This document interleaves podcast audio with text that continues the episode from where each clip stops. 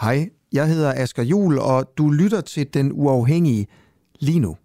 Du skal bare lige huske, at vi sender live hver morgen fra 7 til 9 på vores app. Og på appen kan du også finde nogle af vores andre programmer, der kun er for medlemmer. For eksempel podcasten Spionchefens Hemmelighed, hvor jeg prøver at finde ud af, hvorfor spionchef Lars Finsen er sigtet for at lægge statshemmeligheder. Hvad mener politiet, han har lægget? Hvorfor ordnede man egentlig ikke sådan det her i hemmelighed bag gardinerne? Hvilken rolle spillede Mette Frederiksen egentlig, og hvem er Lars Finsen? Nå, ikke mere om alt det. Du kan høre det i podcasten. Download vores app og bliv medlem, hvis du vil høre for eksempel det her program. Ja, og så slipper du i øvrigt også for den her irriterende besked i din daglige nyhedspodcast.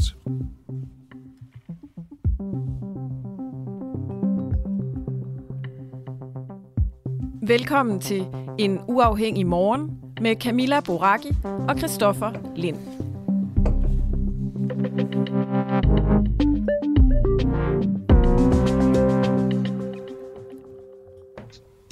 Godmorgen til dig, Tommy Dein. Godmorgen. Ja, godmorgen. Så vidt jeg har forstået, så har næsten hele bestyrelsen for Dansk Folkepartis Rebil-afdeling meldt sig ud af partiet i går, så du nu er forhenværende formand for Rebil Lokalforening i Dansk Folkeparti. Er det rigtigt? Det er fuldstændig korrekt, ja. Nå, hvad, hvad skete der? Jamen, der er sket, at øh, der skete det, at efter den her valgfest, hvor Tusinddal havde fået noget skidt ud øh, af Pia og Morten, øh, eller ja, slet af antydning, eller hvad man nu kan kalde så begyndte nogle af medlemmerne at få nok og begyndte at melde sig ud. Nå. Og vi har, vi har faktisk kæmpet længe for at be- beholde vores medlemmer efter formandsvalget.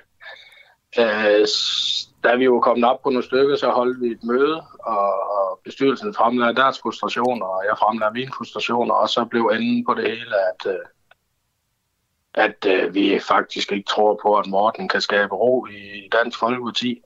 Og så, så er livet sådan set for kort til at deltage i det. Så altså, blev det ligesom tunge på vægtskålen, eller det, der sådan gjorde udslaget, at øh, Christian Thulsen Dahl, han ikke mødte op til øh, denne her valgaften, og så fik han øh, kritik for det.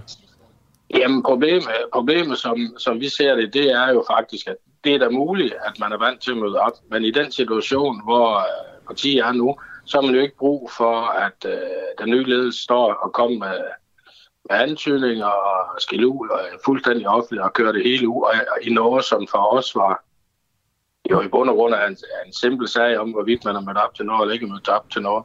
Og så kører man øh, så kører man på i sædvanlig stil øh, med larm og ballade hver eneste gang, der er noget. Men, Og, øh, ja, men så med dig, jeg tænker bare, det der med larm og ballade, og at der ikke er ro på, på de indre linjer, Ja, ja, Det- det, deltager men- da også ja. i ved at melde ja, det var mit spørgsmål, for det, for det gør I vel, når I melder ud, så skaber I jo mere drama. Ja, men man kan sige, øh, fra vores side, så var det sådan, at øh, vi tabte et formandsvalg. Vi, tø- øh, vi øh, støttede Martin Henriksen. For, øh, vi mener faktisk, at vi havde indgående kendskab til, til Morten igennem Rikke Carlsen, som jeg selv har siddet i byrådet med og, og haft en del med at gøre. Så vi mente faktisk ikke, at der var noget som helst belæg for, at Morten han skulle uh, kunne styre den butik. Uh, så vandt Morten. Og vores generalforsamling, jamen der var, der var der, jamen hvad skal man sige, der var, det var hyggeligt som altid, men da vi, vi skulle til at diskutere det der, der var der ikke ret mange, der syntes, det var rigtig godt. Men vi blev enige om, at øh, vi skal også være færre, og vi, han skal også have en chance, for det kan jo være os, der har taget fejl. Øh, dybest set behøver vi jo ikke at rette noget som helst. Og det, det har vi så gjort, og vi har holdt fuldstændig ro indtil, til det der, indtil det her det sker. Og man har jo kunne se siden formandsvalget, at der er jo simpelthen ikke en sag, der ikke skal diskuteres ude i pressen, uanset hvor lille eller stor den er. Og det her, det blev så udslagsgivende for, at øh, Altså nu, øh, Tommy, nu var vi øh, selv inde på borgen den aften der, og øh, der kan jeg jo godt sige, at medierne, de øh, synes, at det var meget interessant det her med Christian Tulsendal. Så Ja. øh, jeg havde en fornemmelse af, at de faktisk sagde så lidt de overhovedet kunne, Pia Kjærsgaard og Morten Messersmith, i forhold til det med Christian Tulsendal. Og man kan jo også sige, Tulsendal har jo selv øh, rejst rundt med Inger Støjberg og lavet kampagne i forbindelse med det her øh, forbeholdsvalg. Så er det ikke mere Christian Tulsendal, der har, øh, der har skabt uro? Jamen, det kan, det kan man jo godt sige, men det er slet ikke det, det, er slet ikke det der er pointen, for vi tager faktisk ikke stilling til, hvem der har ret og ikke har ret i det der. Men, men hvis man som ny ledelse skal bruge, så, så er det faktisk fuldstændig uinteressant for mig, at, at, at I synes, det er interessant derinde. Så, så burde de have lukket den ned, uden overhovedet at komme med så meget som en antydning. Så har der heller ikke været noget, og så kunne de have taget den øh, bagefter. Og hvis han så ikke nåede op til gruppen, så kunne man tage den derfra, og hvad ved jeg. For os, og det må bare sige, vi står ikke derovre. Det gør den almindelige borger ikke. De står ikke derovre. Det eneste, alle de kan se, det er, at hver gang der er noget, så får han bare fuld skrald uge, enten med antydninger eller også uh, direkte beskyldninger. Og, og hvis han håndterer det og har forestillet sig at have ro på den måde, jamen så... Der var en, uh, en formand, der skrev til mig i går, at uh, den tidligere ledelse, dit og dat, og der blev også nævnt, at der var noget, man mødte op til. Ja, og det er ikke blevet taget ud i det offentlige, hvis man ikke mødte op til det. Og det er jo det, der er hele problemet her. Og så kan man så sige, skal vi så, skal vi så være en del af det, eller skal vi ikke være en del af det? Det, det kan man jo vende, altså. Ja, nu er du så blevet... Ja, Torben, ja, ja, præcis. Nu er du så blevet... Nu er du så forhenværende formand for Rebel Lokalforening ja, ja. I, i DF. Øhm, lige sidste spørgsmål, ja. Øh, Tommy Dein. Er du, du er stadigvæk medlem af Dansk Folkeparti? Nej, nej. Nej, du er helt ude? Jeg er helt ude. Vi er alle fire meldt os helt ud samt en, okay. øh, en øh, supplant til bestyrelsen, der også meldes ud, og en, der sandsynligvis kommer, og så en del medlemmer, og der jeg ved, at der kommer flere udmeldelser på medlemssiden. Øh, og med de øh, tilkendegivelser, jeg får i går, så kommer nok også flere rundt omkring i landet. Men, men det, øh, det har jo ikke noget med det her at gøre. Vi har bare, vi har bare kommet til, at øh, det var ikke nødvendigt, vi var en del af. Og man kan jo så også være om at sige, at øh, vi støtter en anden kandidat, som heller ikke er medlem længere. Jamen, så fred være med det. Så får de ro til at komme videre. Det er, det er jo fint nok, hvis de kan det. Okay. Hvad, hvad så nu? Jamen altså nu, så, så er der ro for os. men hvad med dig? Har du, ikke, du har vel nogle... Jeg, jeg, jeg gætter bare, men jeg kunne forestille mig, at du stadigvæk havde nogle politiske ambitioner og kunne lede efter et, øh, et nyt parti. Jamen, øh, politikken i Dansk Folkeparti er ikke noget i vejen med, så hvis der kommer noget, der ligner det, eller der kun er Dansk Folkeparti, der med den politik, så er det da muligt at stemme på dem igen. Det er ikke afgjort, jeg skal have noget som helst uh, politisk, fordi jeg gik faktisk ned med stress og en blodprop i oktober, så det er ikke, uh, så det er ikke sikkert, at jeg sådan helt nødvendigvis skal noget. Nej. Men så kan det godt være, at du bare skal få ro på. ja, det er jo det. ja. ja. Til aller, aller sidst, Tommy Dein, kan du ikke lige øh, sådan fortælle Morten Messersmiths allerstørste fejl som formand? Jamen altså, øh, det, det er jo svært, altså, fordi jeg er simpelthen så forudindtaget øh, i forhold til øh, den valg, der fælles og Rikke Carlsen, at jeg synes jo slet ikke, han skulle have stillet op. Altså, jeg synes ikke, man skal stille op, når man har en, en nummer, han så dømt, nu skal han så gå om. Og så mener jeg faktisk ikke, man skal, man skal stille op, fordi når han stiller op til formandsvalget, og man må formode, at uanset at en dommer han er inhabil, så må man formode, at de kommer frem til det samme i den næste retssag. Og hvis ikke de gør det, så bliver en anke, så, kommer der, så det kommer til at køre rigtig, rigtig længe. I bund og grund synes jeg jo, at Mortens største fejl er, at han ikke trak sig fra Dansk Folkeparti dengang mellem fælles sagen. Øh, den, øh, den startede sådan, at partiet går for ro, fordi i bund og grund, så er det hovedårsagen til, at vi ligger der, hvor vi ligger nu. Eller mm. de ligger, hvor de ligger nu. Ja, de ligger der, hvor de ligger nu. Jeg er ikke ja. længere et vi, Tommy Dejen, fordi du er forhåndværende formand for øh, Rebel Lokalforening i Dansk Folkeparti. Tak fordi du var med. Ja, det var så lidt. Hej.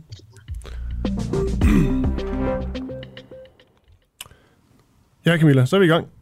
Godmorgen, Christoffer Lind. Ja, godmorgen. Vi og godmorgen til alle dem, der skriver godmorgen til os. Nå ja, det glemmer jeg nogle gange. Mark, Jane, Hans, Søren, Jakob, Svendgaard fra den anden side af jordkloden. Hold da op. Jamen det er jo også, og nu er det fredag, og der kommer sådan lidt uh, fredagsstemning i den. Det betyder nu ikke, at vi ikke har et stærkt program til. Jeg synes også, at vi kommer uh, rigtig godt i gang her. Um, men nu vender vi fokus væk fra Dansk Folkeparti og mod SF. Ja, tak. Nu læser jeg lige citat op. SF peger uden tvivl på Mette Frederiksen som statsminister. Det skal der ikke være tvivl om, men vores stemmer skal jo også betyde noget for den fremtidige politik i Danmark. Sådan her sagde SF-formand Pia Olsen Dyr i 2019 til DR, da hun altså lancerede et af partiets ultimative krav til Mette Frederiksen. Hvis FF, SF undskyld, de skulle bakke op om hendes etpartiregering, så skulle den afskaffe kontanthjælpsloftet. Det var klart tale. Det må man sige, men mig bekendt, ja. der har vi stadig et kontanthjælpsloft. Det er det. Og så øh, kort inden i Mette Frederiksens regeringsperiode i 2019, der gjorde Pia Olsen Dyr og daværende gruppeformand Mark, Jakob Mark status på det her ultimative krav. Kontanthjælpsloftet bliver fjernet. Desværre først om et år, men til gengæld vil der allerede kort efter sommerferien blive indført en økonomisk kompensation til børnefamilier, som er ramt af kontanthjælpsloftet og integrationsydelsen. Og det her, Camilla, det er jo nu tre år siden. Og det her kontanthjælpsloft er, som du også sagde, altså endnu ikke fjernet. Derfor der har vi hele ugen forsøgt at få SF's folketingspolitikere i tale. Og vi vil gerne spørge om, hvorvidt regeringen har lovet at fjerne hele kontanthjælpsloftet, og om SF vil trække sin støtte til regeringen, fordi der ikke er leveret. Men Camilla, det er simpelthen ikke lykkedes os at få fat i nogle af de mest sådan, relevante folketingspolitikere for dem i, øh, i tale. Selvom vi jo lige ved at fange Pia Olsen Dyr på borgen. Det er rigtigt, og hun lovede os faktisk, at hun ville tale med os der, så har hun så ikke tid, så jeg synes, at hun skylder det lidt. Jeg vil sige, jeg synes, det her det, det er vigtigt, fordi det er jo nemt for et parti at gå ud og sige, vi stiller et ultimativt krav. Det lyder rigtig godt, ikke?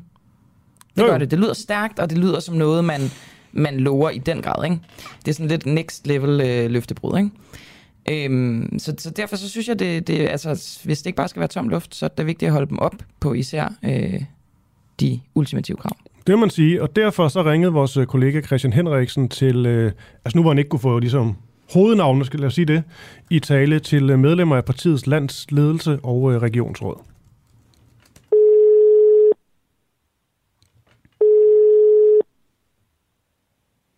Forladet underskoven, Tom Halberg. Hej Tom, det er mig igen fra Den Uafhængige. Øh, jeg kom faktisk frem til, at jeg egentlig også godt kunne tænke mig at øh, snakke med dig, og jeg vil fortælle dig, at jeg er bonder til udsendelse, og vil høre, om jeg må stille dig et spørgsmål. Hvad handler det om? Det drejer sig om øh, afskaffelsen af kontanthjælpsloftet, som jeg ved, at SF øh, gik øh, ret kraftigt til valg på tilbage i 2019. Jeg bare høre, hvordan det går med det. Jamen, det øh, gider jeg ikke snakke om. Hvorfor? Det er, det er, fordi det ikke har noget med en regionspolitik at gøre. Nå, men du sidder i, øh, du er jo i SF, du er i partiet, som gav øh, løftet. Så det er jo også øh, din formand, tænker jeg. Men hør nu her, du snakker med en regionsorganisation. Vi arbejder med regionalpolitik. Så du har ingen holdning til øh, kontanthjælpsloftet? Og jeg, har- jeg har ikke nogen som helst holdning til det, du vil spørge om. Nej. Nå, det er jo fair nok, hvis man ikke har nogen holdning til det. Så, øh, så er det jo bare... Jamen, du spørger jo helt forkert. Du aner ikke, hvem du snakker med. Du aner ikke, hvad du skal snakke om. Du er helt galt på den. Jeg snakker med Start Tom Alberg. Journalisthøjskolen. Start forfra på Journalisthøjskolen. Okay? Det kan jeg ikke. Der er, det, det kan man slet ikke med nummer- nummeringer og sådan noget. Det interview, vi lige har hørt, det var altså med Tom øh, Alberg, der er formand for SF Region Hovedstadens bestyrelse. Vi ville ellers gerne have spurgt, hvilke negative konsekvenser det har for de fattige familier i øh, hovedstaden, at regeringen ikke har fjernet det her kontanthjælpsloft endnu. Vi kan til gengæld afsløre her som morgen, at landsledelsen i SF på mandag skal diskutere netop kontanthjælpsloftet. Det fortæller Lars Jørgensen, han er medlem af landsledelsen til Christian Henriksen i det her interview.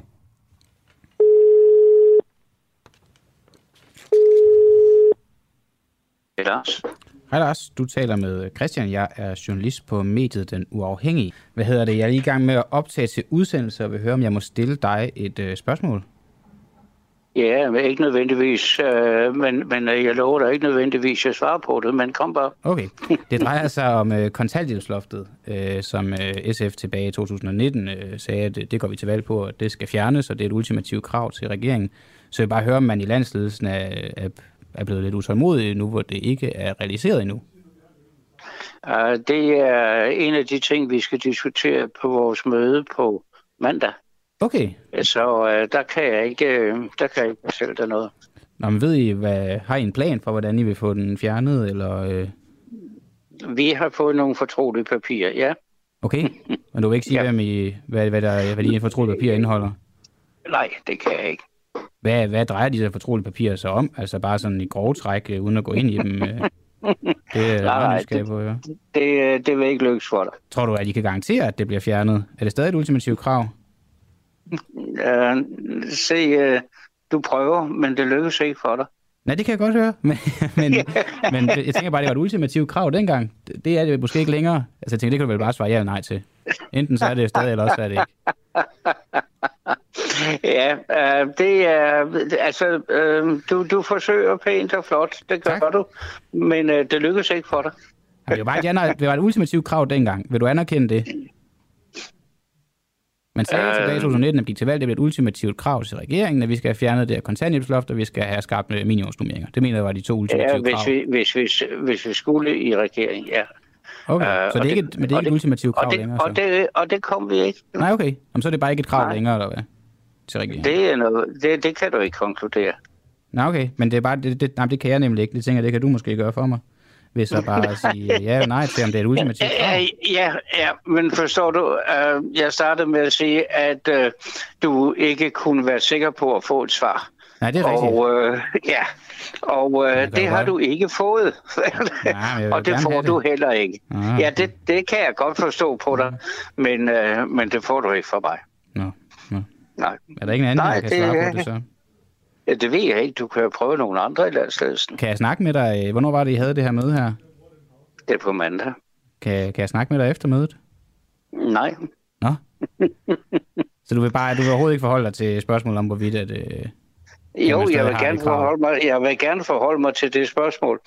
Uh, men, uh, uh, uh, og det, øh, det har jeg også gjort, og det gør jeg. Men uh, jeg vil ikke dele det med dig, før der er truffet en beslutning i, uh, i landsledelsen. Og uh, når vi har truffet en beslutning i landsledelsen, så vil vores beslutning blive meddelt. går du til mødet på mandag med et øh, mål om, at øh, kontanthjælpsloftet det skal afskaffes? Det kan jeg ikke svare dig på. Så er det fordi, du ikke ved, om du går til øh, det møde med den forhåbning, eller er det bare fordi, du ikke vil dele det med mig? Uh, det er fordi, jeg ikke vil dele det med dig. Så du ved det, om du vil håbe, det bliver afskaffet eller ej, men du vil ikke Ja. svare på, om du håber, det vil blive afskaffet eller ej. Hvorfor Nej, egentlig ikke? nej. Hvorfor vil du ikke det? Fordi vi, øh, vi behandler det på mandag. Men hvad din Øh. holdning er, kan du vel godt sige, selvom I behandler det på et møde på mandag? Du ved du hvad, jeg tror, vi skal slutte den her, fordi vi kommer ikke videre. Nej, nej, jeg kan Nej. høre det. Det er, det er lidt svært at blive helt klog på det her. Ja, Men så. Ja, så øh, kan du have en god dag. ja, lige måde. Jo, tak skal du have. Hej.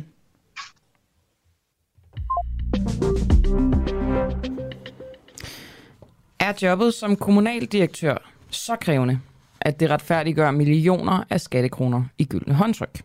Det er, de har netop afsløret, at fyrede kommunaldirektører i 8 ud af 12 kommuner har fået gyldne håndtryk svarende til to års løn med sig. De kan derfor se frem mod at få millioner af skattekroner i lommen, selvom de ligesom har fået sparket, så at sige. Øh, nu skal vi tale med Sara Vergo, som er formand for Djøf, og som jo på en eller anden måde repræsenterer de her, blandt andet de her kommunaldirektører. Og Sara, hvad retfærdiggør, at kommunaldirektører, der ikke lever op til det ansvar, de har fået, skal have millioner med sig, når de bliver fyret? Jeg får at vide, at hun ikke kan høre mit spørgsmål, fordi hun simpelthen ikke er på linjen endnu. Nå, så kan jeg fortælle, at DR har søgt agtindsigt hos de 12 kommuner, som senest har fyret deres kommunaldirektør. Og det er så i 8 ud af de 12 kommuner, at direktøren ligesom har taget sin øh, afsked med en udsigt til to års løn. Kan du forestille dig det, Christoffer? Du bliver fyret, men til gengæld to år, det, det er lang tid, ikke? God tid til at finde et nyt job. Altså, jeg kan godt forestille mig det. Ja, ja. Jeg kan også godt lide Drømme, tanken. drømme om det, ikke? Jeg, tror, det er meget langt fra at ske. Nu kan jeg høre, at vi har øh, Sara Vergo med. Sara, hvad retfærdiggør, at øh, kommunaldirektører, der ikke lever op til det ansvar, de har fået, skal have millioner med sig, når de bliver fyret? Jamen, det er jo en del af deres ansættelseskontrakt, og de har en ansættelseskontrakt, som er øh, gør det dyrt at fyre dem, fordi det skal være dyrt at fyre en kommunaldirektør, så man ikke bare lige fyrer vedkommende, når man synes, at man har brug for noget nyt og frisk, men at man faktisk øh, respekterer, at øh, det er et krævende job at være kommunaldirektør og skulle sige sin øh, politiske bestyrelse imod. Ja, men hvordan, altså det er jo ikke sådan, at for alle krævende job, der er der denne her, øh, hvad skal man sige, det er ikke en del af kontrakten, at man får det gyldne håndtryk. Så hvorfor, hvorfor er det lige for kommunaldirektørerne, at det skal være sådan her? Det er jo skattekroner, vi snakker om. Ja, og jeg har stor respekt for skattekroner. Jeg tror også, man skal være meget bevidst om, når man laver nogle aftaler, at man har øh, skatteborgernes penge i sin hånd. Men ikke desto mindre, så er det jo sådan, at man har et øh, partipolitisk neutralt embedsværk i Danmark, og derfor så skal vi have nogle øh, kommunaldirektører, som tør sige deres øh, politikere imod. Og derfor skal det altså også være lidt svært at fyre dem. Så det er et form for sikkerhedsnet, det her. Det kan man sige, ja. Men de bliver jo fyret alligevel. Det er jo som om, det ikke virker, ikke? I 8 ud af 12 kommuner, der er, øh, der er de blevet fyret, så det vidner måske også om, det behøver jo ikke være, fordi de er øh, politisk uenige. Det kan jo også være, fordi de ikke udfører deres arbejde. Ellers ville de vel ikke, eller udføre deres arbejde godt. Ellers ville de vel ikke blive fyret. Så hvordan retfærdiggør det, at vi skal bruge skattekroner på nogen, som ikke har udført deres arbejde godt nok? Altså nu er der jo ikke nogen her, der siger, at de ikke har udført deres arbejde godt nok. Altså det er jo altid en individuel diskussion, om de har det, og det er jo ikke noget, vi kan tage her i radioen. Øh, jeg kan bare sige, at der tit er lidt flere nuancer, end dem man lige ser. Mm. Øh, men, men ikke desto mindre, så, altså når der er sådan en historie, som der for eksempel var i Lejre Kommune her for nylig, hvor øh, et mindretal i kommunalbestyrelsen faktisk sagde, at de synes, det virkede som en uberettiget og politisk begrundet fyring, så bliver jeg jo bekymret, for så er det jo ikke, fordi at øh, kommunaldirektøren ikke har gjort sit arbejde godt nok, så er det fordi, man siger, at vi skal have en anden type, som måske vil være lidt mere venligt sindet, eller hvad det nu end kan være, der er begrundelsen. Det kan, den kender vi jo ikke. Men øh, kunne man så ikke skrive det ind i kontrakten, at hvis der er tale om en, hvis det bliver vurderet, at der er tale om en politisk fyring, så kan de så få det gyldne holdtryk? Jo, jo, men det er jo også sådan, at det, det er jo, der, er der er jo forskellige vilkår i kontrakten, afhængig af, om man har misligeholdt sit job, altså hvis man har taget kassen eller et eller andet, eller hvis man faktisk øh, bare vil have en anden type medarbejder øh, siddende som kommunaldirektør. Det er jo forskellige vilkår, der står der. Mm, men jeg kan bare stadig ikke rigtig forstå, fordi det er jo heller ikke sådan, at øh, det gælder for alle embedsmænd, det her. Nej, men nu er det heller ikke alle embedsmænd, der er kommunaldirektør. Altså det er jo et, et forholdsvis øh, udsat job at sidde helt i toppen af en kommune, hvor man har ansvaret for en milliardbudget og mange tusind medarbejdere, og er den nærmeste sparringspartner til borgmesteren og kommunaldirektøren. Så det skal være, det skal være svært at fyre den person. Og det skal jo også være gode vilkår, fordi ellers så kan vi simpelthen ikke tiltrække de bedste hjerner til at være kommunaldirektør. Og det tror jeg heller ikke er godt for skatteborgernes penge, hvis vi, hvis vi har nogen, som ikke er super dygtige til at sidde for bordenden. Mm. Øhm, og du synes, at de to år, det er ligesom, øh, det er det, der skal til? Kunne det gøres mindre? Jamen, det er jo det, det, det er jo et forhandlingsspørgsmål. Altså, det er jo mellem KL og, og de andre faglige organisationer, at man forhandler de her vilkår. Så det er jo ikke noget, vi bare trækker en automat eller sidder og siger, at sådan skal det være. Det er jo noget, som arbejdsgiveren, altså KL, også er med til at definere. Så det er, jo, det er jo noget, vi må tage med dem. Kunne der ikke være en anden måde at øh, ligesom forhindre de her øh, politisk betingede fyringer, end at det er meget, meget dyrt at fyre en kommunaldirektør? Fordi man kan sige, hvis vi kigger på tallene, som DR har fået, så, har det jo, så, så virker det jo ikke sådan, at de så undgår fyringerne. Jo, altså det, det er vel noget, man må forhandle sig frem til. Jeg har ikke lige nogen, nogen gode bud på det. Altså øh, det, det, er, det, som er vigtigt for mig, er jo, at man har nogle gode vilkår, hvis man skal være ansat som kommunaldirektør. Fordi det netop er vigtigt, at man skal kunne sige fra, at man skal kunne stå på mål for, for fagligheden, når politikerne kommer med nogle gode idéer, så skal man turde kunne sige, det der, det går altså ikke, det kan I ikke, det må I ikke, øh, ud fra lovgivning eller andre faglige vurderinger. Og det, det, det kræver altså, at man har øh, øh, noget sikkerhed i ryggen, hvis man skal kunne stige fra i de der situationer. Og en stor en af slagsen, øh, fordi man er fuldt løndækket i to år efter fyringen. Så bare lige for at vende tilbage ja. til, øh, til det første spørgsmål. Du mener, at det her gyldne håndtryk, som de her kommunaldirektører de står til ved en fyring, at den, det er fair nok? Ja, det mener jeg jo, fordi jeg, jeg er jo øh, fagforening for mange af de her mennesker, så selvfølgelig synes jeg, at de skal have nogle gode vilkår. Og jeg forstår godt, at man kan blive forarvet, når man siger, hold det op, det er mange millioner. Men man skal jo holde det op imod, hvad er det for et job, de har, og hvad er det for en løn, de har. Øh, og hvis man sammenligner med, hvad man får i det private i øvrigt, så er det jo nok nogle lidt andre beløb, man kan se, man får derude. Så jeg synes egentlig ikke, at vi skal... Men der taler vi heller ikke skattekroner jo. Nej, det gør vi ikke, men vi, skal jo, vi taler jo skattekroner i forhold til, at vi også skal have de dygtigste mennesker til at forvalte skattekronerne.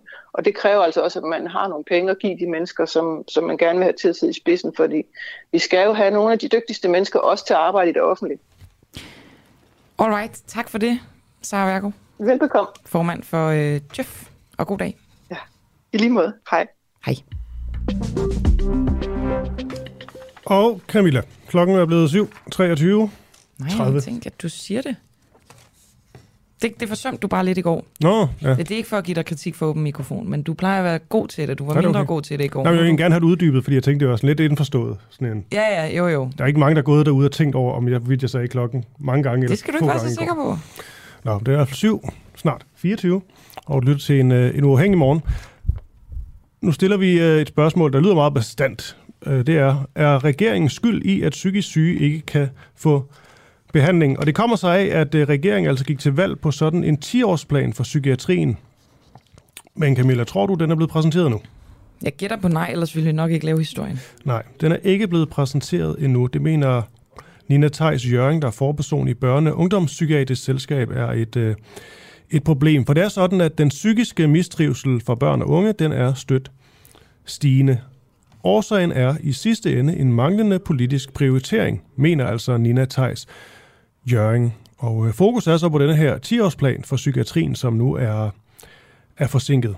Så lad os bare starte der, Nina Theis Jørgen. Den største negative konsekvens sådan øh, dag for dag ved, at den her 10-årsplan endnu ikke er kommet, hvad er, hvad er det? Og godmorgen. Godmorgen, øh, og tak fordi I snakker med mig. Faktisk tror jeg, at den største negative konsekvens lige nu her, her i juni 2022, mm. er, at folk mister håbet. Altså faktisk er 10-årsplanen jo noget helt fantastisk. Den er sådan, det er skabt mellem Socialstyrelsen og Sundhedsstyrelsen, og jeg tror at de har arbejdet sammen før. Og så videnskabelige selskaber, kommunerne, regionerne, patientforeninger, pårørendeforeninger, alle mulige, som normalt ikke kan samarbejde, har faktisk i flere år kæmpet og fundet kompromiser. Så det er den 17. januar, hvor den blev præsenteret, der var folk jo fulde af håb og virkelig stolte af, at der var noget her. Men når man har fået skabt sådan et håb om, at nu skal der endelig ske et eller andet, og, kommunen, og politikerne der slet ikke reagerer på det, så sker der jo det i øjeblikket, at folk mister håbet og opgiver ævret. Mm. Øhm, det tænker jeg, at den, den største risiko lige nu, det er, at, at der er sådan en enorm udmattelse. Øh, både i kommunerne og i øh, hospitalerne, at det hjælper jo ingenting. Der sker jo ingenting. Der sker jo ingenting. Men det er jo trods alt en, øh, man kan sige, en, øh, en 10-årsplan. Det er jo en, der ser, ser ud i, i fremtiden. Den skal selvfølgelig præsenteres, men øh, altså, har du ikke et, en tro på, at den ligesom bliver præsenteret inden for en overskuelig fremtid, og at de rent faktisk gør deres øh, arbejde godt nok og præsentere en god plan? Jo, det er jo, det er jo lige præcis det. En 10-årsplan vil ikke lave en, en løsning i morgen. Mm. Vi ved alle sammen, at det vil tage mindst 10 år, måske mere, at få, lagt, få skabt et system, altså både en psykiatri og en, en kommunal øh, psykiatri, som kan hjælpe mennesker med psykiske øh, vanskeligheder. Men den er ikke engang blevet sat i gang. Nu er der, altså, der skulle laves en plan, og den skulle ikke tage ret lang tid. Så kom den til at tage flere år, før der ligger. Og det er jo øh, Socialstyrelsen og Sundhedsstyrelsen, der har lavet et forslag. Nu skal det så laves om til en politisk plan og en, og en lovgivning. Men det arbejde, som ligesom skulle starte den 17. januar, er så vidt vi ved ikke startet, fordi vi er nemlig ikke blevet inddraget, vi har ikke hørt noget. Der har været et enkelt møde øh, med, med psykiatriordførende, hvor så vidt jeg ved, ingenting skete. Så problemet er i virkeligheden, at vi har en fornemmelse af, at der er blevet lavet rigtig, rigtig godt arbejde, men nu er det bare blevet lagt ned en syltekrog. Mm. Øhm, så, så den der følelse af, at vi skal holde ud, altså fordi det er jo det, der, der er en masse familier, en masse mennesker med psykisk sygdom, som skal holde ud og tro på, og der er en masse medarbejdere i kommuner og i hospitalerne, som skal tro på, at det bliver bedre. Men lige nu kan vi ikke høre, at politikerne arbejder og gør noget for at finde nogle gode løsninger. Okay, men den her... At de læser oplægget. Ja, men denne her nølen, du så, øh, så henviser til, altså er den sådan, hvis vi bliver sådan mere konkrete og praktiske, ja. er den helt konkret skyld i, at der er psykiske syge, som ikke kan få... Nej, nej, nej. nej. nej okay. Altså, den, den, den gør ikke nogen psykisk syge. Nej, nej, jeg siger, Men... jeg, jeg skulle lige stille spørgsmål færdigt nemlig. altså, den skyld i, at psykisk syge ikke kan få behandling eksempelvis? Det har været sådan de sidste mange år, at folk står på venteliste. Så lavede man noget, der hed en UBR, en udrednings- og behandlingsret, sådan at folk måtte ikke stå på venteliste. De skal kunne komme ind inden for 30 dage. Men så kommer de ind, og så for eksempel i børne- og så bliver de udredt, men vi gør, laver jo en udredning i dag, som er meget mindre og meget effektiv, men på mange måder måske også mindre grundig og fagligt i orden, for at kunne overholde den her ret. og så må vi udskrive dem, inden de er færdigbehandlet, eller måske sætter vi dem på en venteliste til behandling, fordi vi ikke har nok mennesker.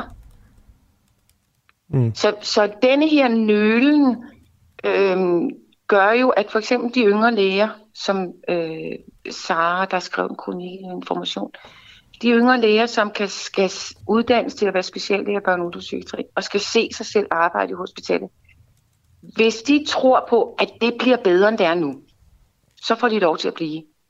Hvis de har en fornemmelse af, at det bliver ved med at være lige så hårdt, som det er nu, så søger de andre steder hen. Mm.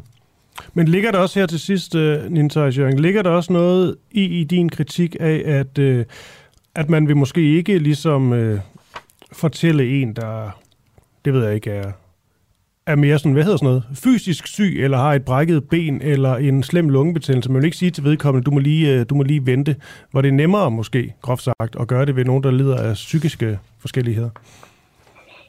Ja, det er det, fordi det er mere komplekst, og det er mere uforståeligt. Mm. Altså psykiske sygdomme er bare mere uforståelige og omgivet af meget mere stigmatisering. Så der har været en tradition, og er der det stadigvæk om, at åh, er det ikke folks egen skyld? Og sådan. Så helt sådan som samfund har vi aldrig nogensinde haft samme respekt for et menneske med en psykisk sygdom, som vi har for mennesker med fysiske sygdom. Og det er jo det, 10-årsplanen skal ændre, at vi får den samme respekt for mennesker, ligegyldigt om det er en fysisk eller en psykisk sygdom. Mm. Det lyder her til sidst, det lyder dog sådan lidt, det ved jeg ikke, mere sådan symbolsk lavet eller et eller andet. Altså. Jamen i virkeligheden så, øh, hvis du sidder som politiker og skal finde nogle penge til et eller andet, og du har stor forståelse for, at hvis man brækker et ben, så kan man ikke gå på det, før det er blevet sat sammen. Så sender du penge de steder ind. Men hvis du ikke rigtig forstår, hvad vil det sige at have en depression, eller have en angst, eller hvorfor går det der barn ikke i skole, er det ikke bare forældrene, der ikke opdrager ordentligt? Hvis du ikke har en forståelse for, hvad psykisk sygdom er, så er det sværere at beslutte, at der skal sendes penge derhen. Så mm. der mangler jo en viden og en forståelse af, hvad psykisk sygdom er, og den manglende viden, den fører til en stigmatisering, der gør, at der kommer ikke penge til sted hen. Giver det mening? Ja, det skal jeg jo ikke svare på, tror jeg. Men øhm, nu er du i hvert fald kommet med din, øh, med din kritik. Øh, Nina Thijs Jørgen, forperson i Børne- og Ungdomspsykiatrisk Selskab, som øh, ikke er begejstret for, at øh, denne her 10-årsplan endnu ikke er blevet øh, præsenteret. Øhm, tak for det. Det var så lidt. Goddag. Ha' en god morgen. I måde. Ja. Hej. Hej. Har Venstre stemt nej til deres egen politik? I onsdags der nedstemte Blå Blok regeringens forslag om at sænke den såkaldte beløbsgrænse fra 448.000 til 375.000. Og det sker altså på trods af, at Blå Blok sådan har slået temmelig hårdt på tromme, vil jeg sige, for at den her grænse den skulle sænkes. Camilla, du skal lige forklare mig og lytterne lidt mere omkring den her beløbsgrænse. Ja, jeg kan sige først og fremmest, så er det jo øh, på tale, fordi vi har øh, historisk lav arbejdsløshed. Vi mangler faktisk arbejdskraft i Danmark. Ikke? Mm. Og beløbsgrænsen, det er det minimumsbeløb, som en, øh, en øh, ufaglært Faglært, faglært. En faglært udlænding må, øh, må aflønnes årligt for at få arbejdstilladelse i Danmark, og det er altså udlændinge, som er uden for EU. Mm. Øhm, så det er jo ligesom, altså så skal virksomheden ligesom kunne give dem en, en højere løn, ikke? Med mindre man sænker beløbsgrænsen, så kan de så få dem til landet ikke, og arbejde. Godt. Og så er det jo så det her med, Venstre og Blå Blok stemte nej til at sænke beløbsgrænsen. Men hvorfor egentlig det? Er det øh, et politisk spil? Er det politiske spil endda måske vigtigere end at få gennemført politik? Det spørger vi Hans Andersen, som er beskæftigelsesordfører fra Venstre om nu. Så Hans, hvad er bedst? En beløbsgrænse på 448.000 eller en beløbsgrænse på 375.000? Og godmorgen. Godmorgen. Jamen det bedste er, at vi finder en, en løsning øh, på det her kæmpemæssige problem, at virksomheden ikke kan få øh, den arbejdskraft, de har brug for. Det gør os, øh, det gør os alle sammen fattigere. Øh, det gør, at de mennesker, danskere, der er ude på virksomheden i dag, ikke kan få den kollega, de har brug for, så de kan løse de ordre, de er blevet bedt om. Øh, så derfor har vi brug for en løsning. Og det er jo også derfor, vi rækker hånden ud til regeringen og siger, der er jo ikke flertal for det, den aftale, regeringen har lavet med, med SF og øh, mm. radikale. Så lad os nu sætte os ned om bordet og, øh, og finde en løsning. For det er det, vi skal. Det er Man- det, der bliver efterspurgt. Man kan sige, at status quo er, at øh, beløbsgrænsen ligger på 448.000. Forslaget var for regeringen var at sænke den til 375.000. Af de to beløb, hvilket et foretrækker du og Venstre så? Det, vi foretrækker 360.000, som vi har stillet. Øh, og så skal du være opmærksom på, og man skal være opmærksom på, at det forslag, som regeringen lægger frem, altså normalt, når man laver politiske aftaler, så er det sådan set meget klogt at sikre sig, at den politiske aftale, man laver, den er der også et flertal for. Øh, det har regeringen sådan set med den her aftale været klar over hele tiden, at der ikke var noget flertal, og derfor har vi også spurgt i flere måneder og efterlyst øh, forhandlinger med regeringen om at lave en aftale, vi alle sammen kan se os i, og ikke kun en aftale, som regeringen, SF og radikale synes er, er brugbar. Og så skal du være opmærksom på en ting. Den aftale, de har lavet, den er jo kun midlertidig. Altså, selv vismændene har været ude at sige, at Danmark har ikke brug for en midlertidig aftale. Virksomheden har ikke brug for en midlertidig aftale om at sænke øh, beløbsordningen. Det er brug for en aftale, der er permanent. Den Øh, er og derfor- midlertidig med argumentet om, at, øh, at arbejdsløsheden kan stige igen. Men alligevel, Hans Andersen, øh, jeg har svært ved at forstå. Jeg vil faktisk gerne blive i substansen af det her, fordi der er jo meget palaver omkring det her med, at I ikke er blevet inviteret til forhandlinger, og de har ikke, du siger selv, de har ikke fundet flertal for det her forslag på forhånd. Altså, når man tager den nuværende beløbsgrænse, 448.000, mod det regeringen har foreslået, 375.000, der er 73.000 kroners forskel, og så vil I gerne have, at beløbsgrænsen hedder 360.000. Så det er 15.000 forskel på det, som øh, regeringen har foreslået. Altså, ja. det, er jo jeres, det, er jo, det er jo meget blå politik, det her. Så hvorfor er det, at I ikke er gået med til noget, der trods alt er så meget bedre end den nuværende beløbsgrænse? Jamen, så er det der, hvor vi skal nok blive i substansen. Men substansen er jo, at du også forholder dig til, at det her kun er en midlertidig ordning, og at den også bliver sat ud af kraft, hvis øh, ledigheden øh, er for eksempel 3, øh, 75, øh, 3,75 procent.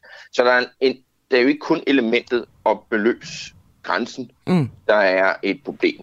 Øh, og derfor stillede vi også vores eget forslag, og det stemte regeringen, radikale og SF så imod. Radikale kunne have støttet vores forslag, for de var sådan set ikke en del af en aftale, der havde et flertal.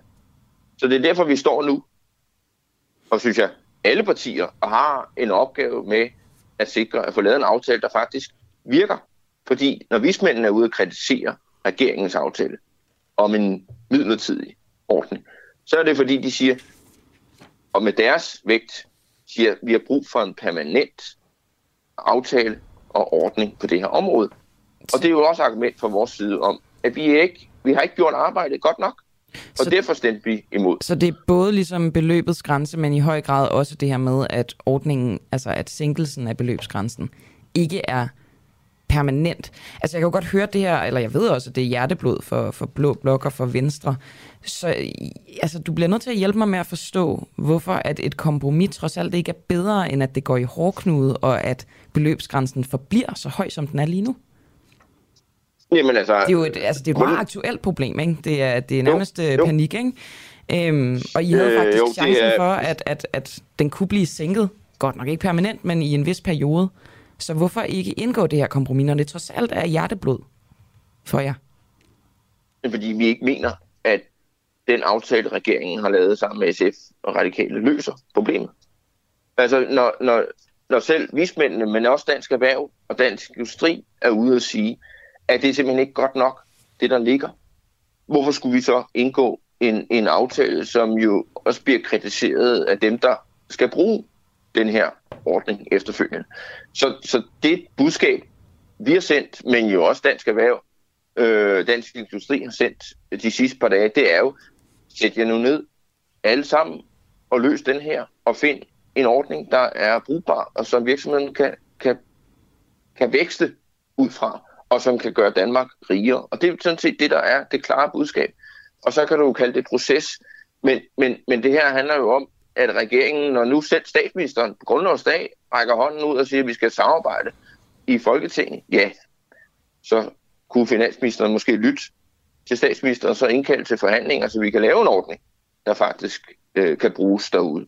Vi står i hvert fald klar, og det har vi gjort, siden at et, et, et mindretal har indgået en aftale, som, øh, som øh, finansministeren jo hele tiden har været klar over, og ikke havde noget flertal på sig. Så jeg mener, at, at der mangler en, en, en, en vilje fra regeringens side. Altså man kunne få den mistanke, at, øh, at det her øh, på forhånd har bare været et forsøg på at sige, at vi vil gerne. Øh, I kan se, at vi laver en aftale, men reelt set, så det vel, bekommer det måske regeringen meget godt, at der ikke kommer nogen aftale, så får de jo ikke Så det er en kritik fra SF.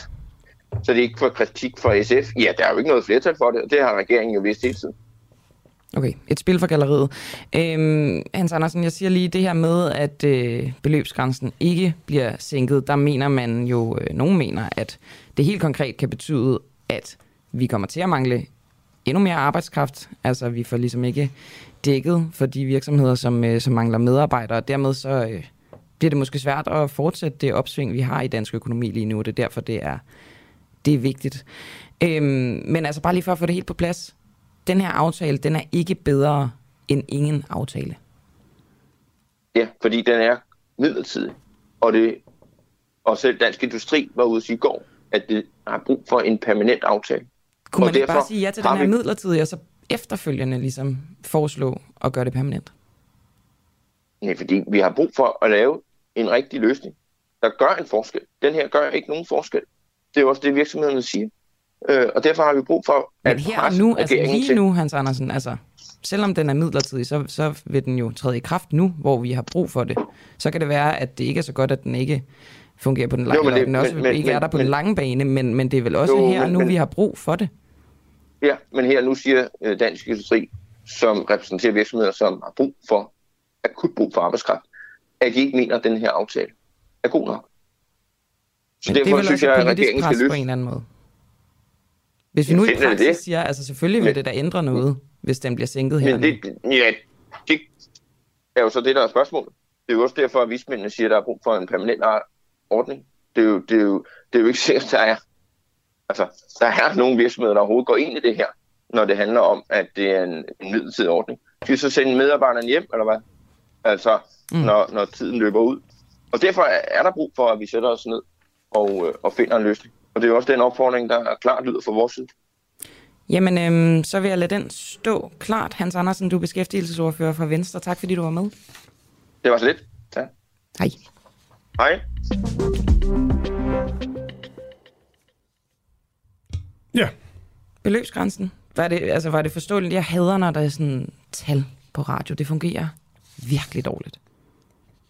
Ja, jeg tror det, jeg synes, at det, det gav meget fin mening. Det, Godt. Altså, hele pointen var jo ligesom, at man vil gerne nedsætte altså, den her beløbsgrænse ned, Mm-hmm.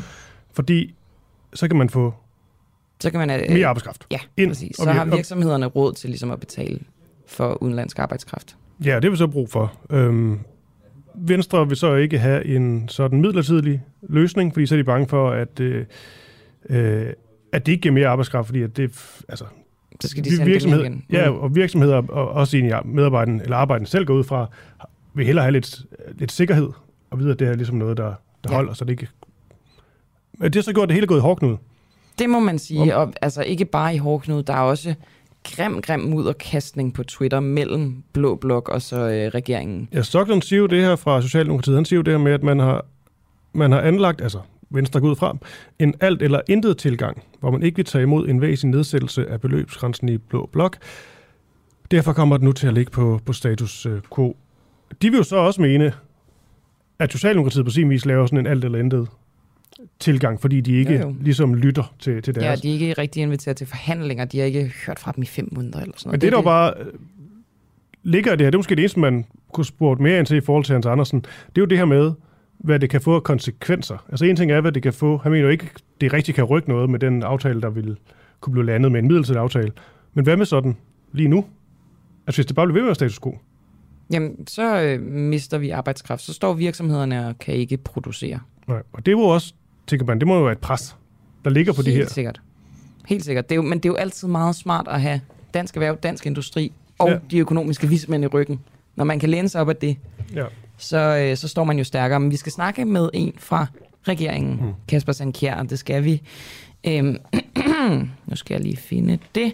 Klokken 20 minutter i 9, og så må vi jo forholde ham alle de her modargumenter, som øh, Hans Andersen har fremført. Absolut. Jamen fordi det, jeg synes, er, min sidste point der, Camilla, det er, at det interessante også, det interview, du lige lavede her, det er jo, at, at man forstår på sin vis godt, der går hårdknud i den, når de ikke er, de ikke er enige, og de også spiller med, med muslerne og sådan noget, men, men nogle gange, det her politiske spil kan også have ret store konsekvenser, fordi at tingene så bare går fuldstændig i stå. Præcis.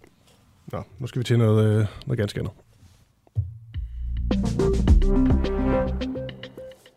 Nu stiller jeg lige et spørgsmål, Camilla, som på en eller anden måde i mine ører lyder skuer en lille smule. Er du klar? Ja. Skader økologi klimaet? Man har lyst til at sige nej. Ja, ikke? Jo, jo. Altså, det er virkelig... Ja. Men jeg går ud fra, at vi stiller det, fordi at, øh, det måske ikke er et entydigt nej. Nej, nu skal du høre her. Økologi er klimafjendsk. Det skriver journalist og landbrugsdebattør Jørgen Lund Christiansen i et debatindlæg bragt i Aarhus Stiftstidende. At Økologisk Landsforening ikke ønsker et klimamærke, klima, ønsker et klimamærke, und, undskyld her, altså at Økologisk Landsforening ikke ønsker et klimamærke, understreger hans pointe, mener han. Altså et klimamærke i form af sådan en klimablåstempling ja, på produkterne, ikke? Jo. Vi har også egentlig talt om, det er lidt noget andet, men de her, de her mærker, man putter på chokolade og sådan noget. Fairtrade-mærket. Og vi så fandt ud af, at det stadigvæk kan være Ja, ja. børne Ja. slaver. Jo, jo. Nå, Det er et mærke her, og øh, det er Louise Køster, vi skal tale med, fordi hun er netop øh, forperson for Økologisk øh, Landsforening, og også hørt denne her kritik fra øh, Jørgen Lund Christiansen, øh, som simpelthen siger, at økologi er klimafjendsk. Godmorgen. Godmorgen. Louise, lad os lige øh, starte med det her øh, klimamærke, som I, i hvert fald ifølge Jørgen Lund Christiansen ikke ønsker på jeres øh, produkter. Er det rigtigt, at det ikke er noget, I ønsker? Det er ikke rigtigt. Ja. Det kan jeg mene i jorden. Øh, Men jeg ved ikke, hvor, hvor Jørgen har samlet op, at jeg har sagt, at, øh, at øh, eller ØL har sagt, at vi ikke ønsker et klimamærke. Det er rigtigt, da vi tilbage i 19 øh, begyndte at snakke om klimamærke, øh, egentlig agiteret for, at der i de nuværende mærker, også i, i det økologiske røde ø-mærke, som vi alle sammen kender så godt, øh, er indarbejdet klimaplaner. Øh, men det ligger nu således, at vi jo er inviteret med i den arbejdsgruppe, som øh, øh, Fødevareministeriet har nedsat, der netop skal arbejde med klimamærke, og hvordan kan vi lave et, der er øh, så enkelt og, og brugbart som muligt. Og det sidder vi faktisk øh, i en pænt stor gruppe på tværs af hele værdikæden og, og arbejder med lige nu. Så vi øh, er gået ind i det arbejde med positivt sind. Mm. Det her med øh, økologi som noget, noget klimafjends, det vil sikkert også i, i forhold til, at hvis man nu tager sådan noget som øh, økologisk oksekød og sætter det op mod øh, ikke-økologiske oksekød, er der så egentlig den store forskel, når det kommer til at være en, øh, en klimasønder?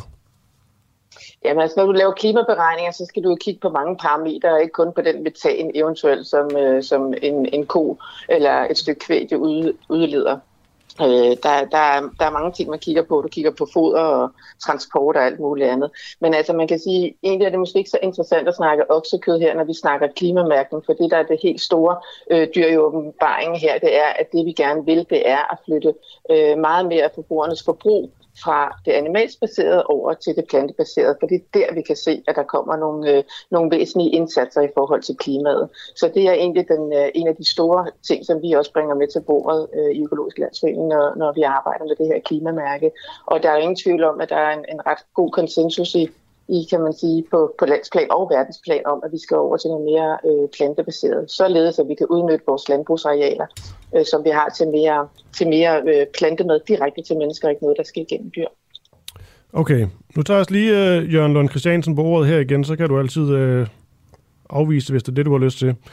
Øhm, han mener ikke, at du ligesom ser et behov for, at forbrugerne i supermarkedet får oplysning om hvert enkelt vares øh, klimaaftryk. Fordi, og det mener han jo, at du godt ved, at økologien vil tabe denne her klimakamp, og det skal ikke frem. Det skal du selvfølgelig have lov til at svare på. Ja, jamen, jeg er glad for, at Jørgen han, han ved så meget, som jeg åbenbart ikke ved, jeg ved noget om. Men altså, det, jeg vil gerne svare på det. Uh, det vi, uh, vi arbejder for uh, i klimamærkningen, det handler om, at vi, er, vi kommer til at mærke kategorier. Det bliver rigtig svært at uh, bare øh, klimamærkevarer, øh, enkelt ting, øh, fordi sporbarheden tilbage til enkeltproducenter kan være meget kompliceret. Du kan for eksempel have en pose havregryn, øh, og i den pose havregryn, der kan der være øh, 10 forskellige leverandører indtil. Og hvis du skal tilbage afregne eller aflægge klimarapportering på 10 forskellige producenter, så er det et kæmpe stykke arbejde. Øh, så derfor så vil et et brand øh, af havregryn og et andet brand af havregryn have forskellige klimaaftryk øh, og vil have forskellige øh, afmærkninger. Men det, der er med havregryn, kan man sige generelt, det er, at øh, det er et plantebaseret produkt, som går direkte til mennesker, og derfor øh, og ikke igennem dyr. Så derfor vil det øh, overordnet øh, øh flytte øh, vores øh, forbrug fra øh, det animalske til det, til det plantebaserede. Okay, hvis man sådan tager øh, det er jo fordi økolo- økologi, øh, ordet, det har jo sådan en, øh, en god, positiv klang. Nu er du selvfølgelig forperson for Økologisk Landsforening, men alligevel, hvad er sådan det mest negative, man kan sige om, øh, om økologi? Jamen altså det, vi bliver skudt i skoene en gang imellem, og som jeg også tror, Jørgen han er lidt ude med riven med her i det der debatindlæg, det er, at vores øh, ydelseparial øh, ikke er så højt. Men det vi jo faktisk også øh, forsøger at gøre i, øh, i den måde, vi dyrker på, det er at skabe plads til natur. Og her er også øh, referencen til kirkeulen. Øh, jeg var så sent som i går i Ringsted til et øh, ret fantastisk arrangement, som vi har arrangeret, der hedder Åben Gård, hvor vi faktisk nu, vi har snakket om de, de udskældte dyr, faktisk kigger på, hvordan er det, de klovbærende dyr kan arbejde mere sin miljømæssige og klimamæssige tilgang ved blandt andet den måde, de går rundt og græsser enge ned og, og, og træder og tramper, og deres deres øh, efterladenskaber bliver små biotoper for, for insekter og biodiversitet. Og det er jo den måde, vi øh, i økologien arbejder med at skabe mere plads til natur i magtdriften. Altså det der med, at vi ikke separerer øh, landbrugsproduktion og natur mere, men vi arbejder det ind i hinanden, og det simpelthen bliver hinandens forudsætning. For vi ved jo alle sammen, at vi også har en klimakrise, men vi har også i den grad en biodiversitetskrise. Og her er direkte linket til den berygtede kirkeugle. Det er jo, fordi der ikke er noget mad til kirkeuglen og andre fugle. Mm. Vi kigger også på, at vi om 30 år for eksempel kan, kan være så langt nede i, i sangfugle, at, at, øh, at vi ikke stopper morgenen og hører noget fint, der, der synger til os. Okay. Men sådan noget, nu tager lige sidste spørgsmål. Er det naivt ligesom at jeg ved ikke, det er bare helt personligt, når jeg tænker sådan økologi og den slags. Tænker at man bruger ikke så mange øh, sprøjtemidler, og der er ikke så meget sådan giftindhold i dem og sådan noget, men, men er, det, er, det en, er det en naiv tanke? Altså, hvor, altså sprøjtemidler bliver øh, brugt, og der er vel også giftstoffer i nogle af dem. Det er bare for at sige, at økologi er vel ikke et 100% gode. Øh, det, det vil jo agitere for, men vi kan jo altid blive bedre. Altså, det er jo sådan, en økologisk økologiske øh, metode, der undgår vi pesticider for eksempel. Det er, ikke, det er ikke noget, vi bruger, og det er jo også det, vi øh, kan finde rundt omkring i vores øh, grundvand og drikkevand. Øh, så det skal vi undgå på alle mulige måder. Det vi forsøger i økologien, det er at arbejde så naturnært som overhovedet muligt, og hele tiden blive bedre. Og det du måske også refererer lidt til det, som Jørgen også er inde på, det er at sige, at vi jo bruger øh, konventionel gylde, eller vi har i hvert fald tilladelse til at bruge 50% øh, konventionel mm. gylde i det økologiske landbrug. Men det er faktisk noget, vi arbejder benhårdt på at få udfaset. Og hvordan bringer vi så næringsstoffer tilbage til jorden? For det skal vi. Så snart man har taget energi ud af jorden, når vi høster, så skal vi også tilføre noget tilbage. Og der er vi, vi arbejder med den store recirkulering, som blandt andet handler også om afgasset materialer, som kommer fra biogasanlæggene, og hvordan er det virkelig, vi kan arbejde regenerativt med jorden, således så den faktisk regenererer en stor del af sig selv, øh, og med øh, efterafgrøder er med til at skabe de, øh, genskabe de næringsstoffer, der er behov for. Okay, og altså øh, opsummerende, Louise Køster, du er forperson for Økologiske Landsforening, og I er ifølge dig ikke imod klimamærke på økologiske produkter? Vi er ikke imod klimamærke på økologiske produkter. Vi skal have et enkelt mærke, der er brugbart for forbrugerne, og som er troværdigt. Okay, jamen tak for det. God dag. Selv tak. I lige måde. Tak, tak. Ja, den blev da helt afvist, den, øh, den kritik, Jørgen Lund Christiansen, han, øh, han kom med. Det kan man sige, så blev vi så meget klogere. Ultimative krav, det er, øh, hvad skal jeg sige, et farligt politisk værktøj. Man kan bare spørge Anders Samuelsen og Liberale Alliance. Og måske, måske også SF. For måske var det en fejl af Pia Olsen Dyr at stille et ultimativt krav om fjernelse af kontanthjælpsloftet. Vores journalist øh, Christian Henriksen, han snakkede med i går med flere af medlemmerne af SF's landsledelse. Øhm, vi har spillet to af hans øh, snakke med dem, og øh, nu er der så flere, vi kan spille. Øhm, jeg kan lige forklare, at i 2019 sagde SF-formanden Pia Olsen Dyr til DR, da hun lancerede et af partienes, partiets ultimative krav til Mette Frederiksen, at hvis SF skulle bakke op om Mette Frederiksens etpartiregering, så skulle den regering afskaffe kontanthjælpsloftet. Kort inden i Mette Frederiksens øh, regeringsperiode i 2019, der sagde gruppeformand, daværende gruppeformand Jakob Mark, at SF regnede med, at kontanthjælpsloftet ville blive fjernet i 2020. Men det skete som bekendt ikke helt.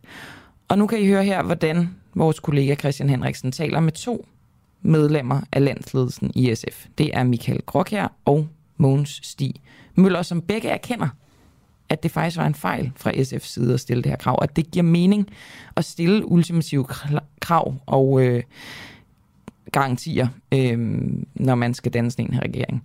Og derudover så fortæller de, hvordan de er trætte af, at det ikke er lykkedes SF at afskaffe kontanthjælpsloftet endnu.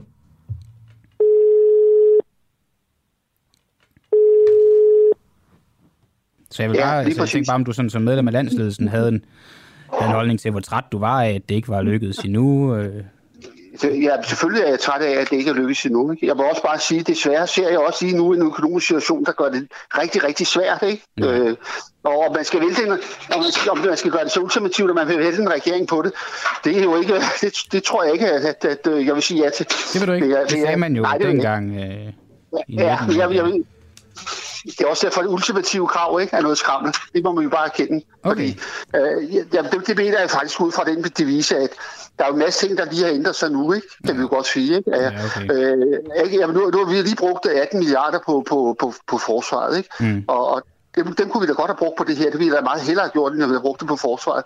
Nu er situationen bare sådan, at nu er vi, kommet, nu er vi med i det, øh, hvilket jeg også synes var, var rimeligt ud fra den trusselsniveau, der er rundt omkring i verden. Ja. Det er jo bare sådan nogle af de ting, som vi bare ikke er herre over, ikke? hvor vi jo nogle gange bliver grebet ind i nogle øh, situationer, hvor vores ønskeverden, den, den bliver helt anderledes lige pludselig, end, end, end det vi egentlig gerne havde set fra starten af. Ikke?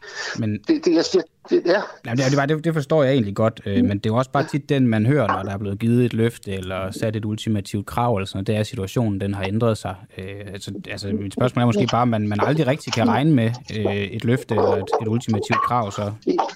Ja, jeg vil sige, det du kan regne med, når, når vi, jeg, jeg vil sige, jeg vil aldrig lige øh, synes, at et ultimativt krav er, er en, god, en god ting at gøre. Var det, det, forkert? det, det sige, ja. Var det så forkert, at man, øh, man sagde det tilbage i 2019? Man kan godt lave et ultimativt, øh, det, ja, det synes jeg lidt. Okay. Jeg synes hellere, at vi skal, vi skal sige, at det er det her, vi arbejder på.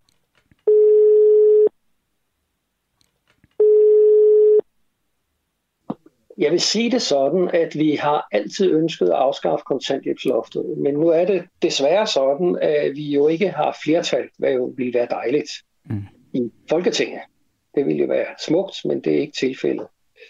Øh, derfor så må vi jo prøve at skaffe allierede til at afskaffe det der kontanthjælpsloft. Det vil vi gerne så hurtigt som overhovedet muligt. Men med hensyn til ultimative krav er det jo desværre sådan, at man jo ikke altid kan få, hvad man ønsker sig. Men det er helt klart, at vi går efter at få fjernet de begrænsninger, som administrative begrænsninger, der ligger på, øh, der puffer folk ud i fattigdom. Jeg tænker bare, hvis man laver et øh, ultimativt krav, så er det, så er det altså jeg forstår godt øh, præmissen med, at det ikke er sikkert, at man kan få alt, hvad man ønsker sig, men så er der måske ikke nogen grund til at kalde det et ultimativt krav, hvis man ikke kan leve op til det. Jamen altså, det, det, nu er det jo sådan, at ting tager tid, og øh, så kom der jo noget, der var lige en, en coronaepidemi, der kom i vejen. Og så er der kommet en sjov lille krig i Ukraine, som også lægger beslag på en del politisk opmærksomhed. og som medfører, at økonomien måske ikke så helt så rosenrød, som den gjorde for et år siden. Øh, alle de ting er vi selvfølgelig nødt til at, at tage med. Øh, det er ikke ens betydende, at vi har opgivet kravet, og vi arbejder benhårdt på at få det gennemført. Men vi er også nødt til at tage virkeligheden i ed. Øh, det er beklageligt, men sådan er tilværelsen nogle gange imellem. Men der er ingen tvivl om, at kravet holder vi fast i. Men og, ja, jeg, tænker, jeg tænker bare, at er det så ikke bare noget, man bare siger, fordi det lyder godt op til en valgkamp og kalde det et ultimativt krav, og så kan man bagefter sige, at verdenssituationen har ændret sig. Det gør den jo hele tiden. Virkeligheden var jo også en, en virkelighed dengang. Ja, selvfølgelig ændrer verdenssituationen sig hele tiden. Jeg synes, de ændringer, vi har været ude for det sidste par år, det har måske været lidt mere dramatisk, end vi har set hidtil. Jo, men vi har hørt den her undskyldning fra, fra, fra politikere før, at øh, det kan godt være, det var et krav dengang, men vi, nu har det hele ændret sig, og vi, vi kan ikke Det er stadigvæk et krav, men problemet, for, hvis problemet består i, at hvis det ultimativt betyder, at vi skal vælge den siddende regering, så kommer vi altså ikke nærmere til at afskaffe kontanthjælpsloftet af den grund. Jeg er slet ikke, hvis vi får en borgerlig regering igen. Men sagde man ikke dengang, at, øh, at det var et krav til regeringen, at... Øh, jo, og, vi det, og, og, og, det var, og i sidste ende, så var, det jo, så var det jo en risiko, at de måtte gå af, hvis, hvis det her krav ikke blev indfriet. Vi har heller ikke opgivet kravet. Men I har opgivet så... at tro regeringen med jeres krav? Nej, jeg vil ikke sige at tro, at det, det går ind i en, en, en forhandling, men det, sagen er jo den, at vi er jo også nødt til at være realistiske og sige, for vi afskaffer kontanthjælpsloftet ved at den her regering og få indsat en borgerlig regering. Det tror jeg ikke på. Men er det så ikke tosset at sige, at vi laver et ultimativt krav? Altså jeg tænker, der er en masse kontanthjælpsmodtagere, der tænker, at det lyder fedt. Et ultimativt krav, det er jo det samme som at sige en garanti. Det kommer til at være sådan her, eller også kommer det ikke til at være. Nu er det ikke lykkedes at få det afskaffet. Altså, endnu. nej, ikke endnu, men, men kommer det til at lykkes? Kan du love mig? Kan du garantere, at det kommer til at lykkes? Altså, hvis jeg kunne udstede den slags garantier, så tror jeg, jeg ville til at udfylde folks lotto Ja, det kan jeg selvfølgelig ikke. Nej, nej, men det er jo ikke en lotto det, det her det er jo ikke tilfældighed. Det, er jo, øh, nej, det, det har man alligevel jeg, selv magt i det her. Men, men uh, sagen er alligevel den, at hvis vi skal vælte regeringen, skal det jo være for at få gennemført det forslag, vi ikke kunne få igennem, uden at gøre det. Og det vil sige, at der skal være en vis sandsynlighed for, at den regering, der kommer i stedet for, så vil gennemføre det. Mm. Jamen, jeg forstår det godt. Og for at sige det lige ud, den sandsynlighed ser jeg ganske simpelthen ikke for mig. Vores reporter Nikolaj Stein han har talt med politisk kommentator hos Altinget, Erik Holstein, om hvilke konsekvenser det kan få for SF, at de har måttet sluge en kamel, kamel ved ikke at få øh, deres ultimative ved krav opfyldt. Øh, Nikolaj Stein har startet med at spørge Erik Holstein, hvorvidt det var en fejl af Pia Olsen Dyr at stille et ultimativt krav om fjernelse af kontanthjælpsloftet. Ja, det var det. Øh, det var også øh, helt bogstaveligt en fejl, fordi det var ikke meningen, hun skulle sige det. Det var noget, hun sådan ligesom kom til at sige i situationen, hvor hun øh, blev revet med. Øh, det var ikke øh, SF's strategi, at der skulle stilles ultimative krav. Øh, så øh, øh, det var på alle måder øh, noget, der ikke skulle være sket. Det er selvfølgelig svært sådan helt at bakke på det, når man så er kommet til at sige det som partiformand, men, men det er klart, det, det har jo ramt noget sidenhen. Mm.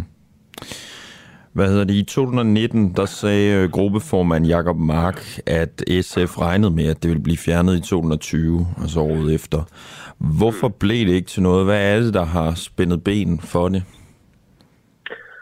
Der er flere ting. Altså dels må man jo så ærligt sige, at der er nogle ting, der er blevet udskudt, fordi alt gik op i øh, coronahåndtering øh, på et tidspunkt. Men så er der jo også den politiske årsag, at der simpelthen øh, ikke er enighed mellem øh, støttepartierne og regeringen på det punkt her.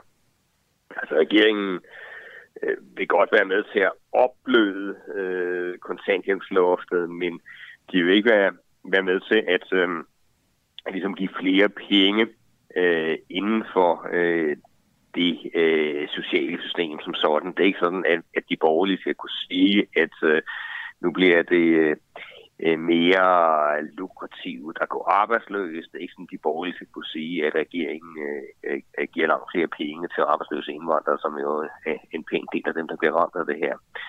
Øh, så derfor har regeringen nogle, øh, nogle politiske hensyn, der skal varetage. Øh, der er heller ingen tvivl om, at, at man også altså reelt, øh, selv lægger taktikken til søde, øh, så mener man, at, at, at det vil være forkert at, at overføre flere penge til kontanthjælpssystemet. Så derfor øh, har der været meget sådan tale om en anden form for, for omfordeling inden for systemet.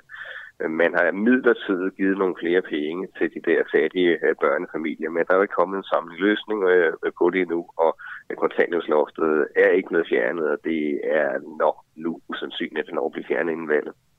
Mm. Ja, det, som du siger, så er det netop ikke blevet fjernet, øh, men, men ikke desto mindre var det et, et ultimativt krav. Øh, kunne man forestille sig, at der er et eller andet, som SF er, er blevet spist af med, eller har fået den anden vej, for at øh, det så ikke er kommet til at ske? Ja, man kan sige, at generelt set øh, har SF'erne været meget tilfredse med, med Frederiksens regering, og man har da også opnået nogle resultater, altså det er der ingen tvivl om. Altså, øh, et andet krav, man også kom til at gøre ultimativt, det var jo omkring øh, spørgsmål om øh, minimumsnummeringer i, i daginstitutioner. Og øh, det har man jo fået øh, resultater på. Og øh, sådan hele klimaspørgsmålet, altså regeringen har jo rykket sig rigtig meget fra øh, dengang der var valgkamp i 2019 til, til i dag, hvor man jo altså har trods en nok en langt mere ambitiøs øh, klima øh, politik, end det, der øh, oprindeligt var lagt op til. Så øh, SF kan jo sagtens sige, jamen altså, ser vi det på det samlede billede, jamen så vil den fået øh, ganske pæne resultater med den her regering. Mm. Og det er selvfølgelig det, man vil falde tilbage på, og det, det er en, en, en pæn del sandhed i. Ja. Og øh, jeg skal lige sige, at Erik Holstein, han har altså fået nye oplysninger i den her sag. Han skriver til os, at det er muligt, at der kommer en løsning inden sommeren. Det er så ikke sikkert, at det er en fuldstændig afskaffelse af kontanthjælpsloftet, men en eller anden løsning skulle efter sine. Det må være noget rygte noget, han har hørt. Mm. Være på beding. Altså, vi ved jo så, at de vil diskutere det på landsmødet i SF, men han har sikkert hørt så, om regeringen måske kunne være villig til det. Spændende. Det er spændende. Det er spændende. Hej, du lytter til Den Uafhængige på podcast. Husk, at du også kan lytte med, når vi sender live hver morgen kl. 7. Download vores app, Den Uafhængige, og tryk på play-knappen. Det er helt gratis. Og noget andet, der er spændende, det er, øh, altså man kan sige, det er en fodboldretssag på sin vis, men så alligevel ikke. Det handler om øh, Sepp Blatter og Michel Platini, to store tidligere fodboldbosser.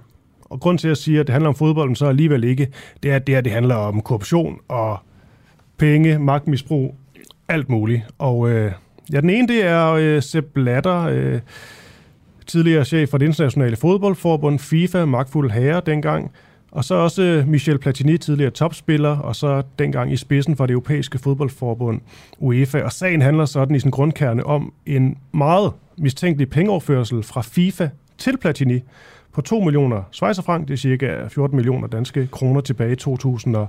Og det handler også meget om det her, den her slutrunde, vi skal til til vinter, VM i Katar, ja. hvorvidt det var ren og skær øh, korruption, penge under bordet.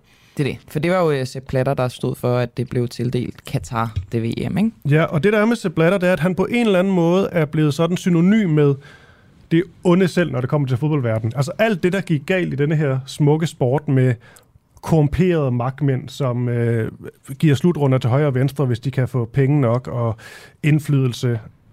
Han er også samtidig lidt en sådan, sådan charmetrol på en eller anden måde. Altså, det var vel derfor, han endte med at vinde afstemningen dengang, at der skulle vælges ny øh, øh, chef ja, for FIFA, ikke? Jo, og den her retssag startede i onsdag, så bliver afsluttet den 22. juni, hvor vi selvfølgelig, selvfølgelig følger op på den. Men vi tænkte lige, vi gerne vil høre lidt mere om ham her, Sepp Blatter, og derfor så vil vi nu tale med Niels øh, Borkhardt Holm. Han er filminstruktør og journalist, og så har han altså som en af de få danskere gået ud fra, mødt og interviewet øh, manden selv, Sepp Blatter. Godmorgen, Niels. Godmorgen. Vil du ikke lige først og fremmest med dine egne ord, nu sætter jeg selv nogle ord på uh, Sepp Blatter her, vil du lige selv prøve at sætte nogle ord på, uh, på Sepp Blatter? Det vil jeg gerne, men at du brugte desværre nogle af de bedste uh, ord til at beskrive ham. uh, han, jamen, det er helt rigtigt, han er uh, synonym med FIFA. Altså, han, har, han, han startede uh, med at arbejde i FIFA tilbage i 74. Uh, og uh, var der jo så i 40 år, så man kan roligt sige, at FIFA er hans, uh, hans livsværk. Øhm, og, og han er så også blevet synonym med, med et FIFA, som altså jo eksploderede, eller måske imploderede, øh, da han var ved roret. Øhm, så han er, han, er, han, er, han er både Mr. FIFA, og han er Mr. Korrupt FIFA. Øhm, og som person, der er han den her, han er en, altså, det, det første, der står ind med ham, det er, at han er, han er meget lille. Øh, men, men lige så lille han er, lige så charmerende øh, og karismatisk er han også. Han går straks i gang med at, at flytte med folk i rummet, og ja. ligesom øh, få, få, at læse rummet og få sig venner. Øhm, så han er... Øh, han minder på mange måder om en, en politiker i den forstand, at han, øh, at han, ser, han har et, et meget, øh, hvad skal man sige, øh, stort og flot syn om sig selv, øh, mm. og er meget opmærksom på, hvordan man skal bearbejde sin, øh, folkene omkring sig. Ja, en rigtig, en rigtig magtmand, må man nok sige. Og Niels, jeg skal lige høre, øh, før vi lige hører lidt mere om dit, uh, dit møde med ham. Hvad er ligesom uh, optakten? Det er noget med, at du er i gang med at lave en, en dokumentarfilm, er det rigtigt, eller? Ja, altså det her, det var, øh, var øh, i sommeren 2016, at jeg interviewede Sepp Blatter. Første gang, jeg har faktisk interviewet ham to gange. Øhm, men, øh, og, og der var jeg i gang med at lave en, øh, en dokumentarfilm til DR, øh, hvor jeg havde fået til opgave Altså, det var øh, et, øh, lige i kølevandet på, de her, på sådan en razzia mod et svejtisk øh, luksushotel, hvor, hvor alle FIFAs funktionærer var samlet øh, i maj 2015, og store dele af FIFA-bestyrelsen blev anholdt i det var en stor FBI-aktion, og altså en kæmpe sag.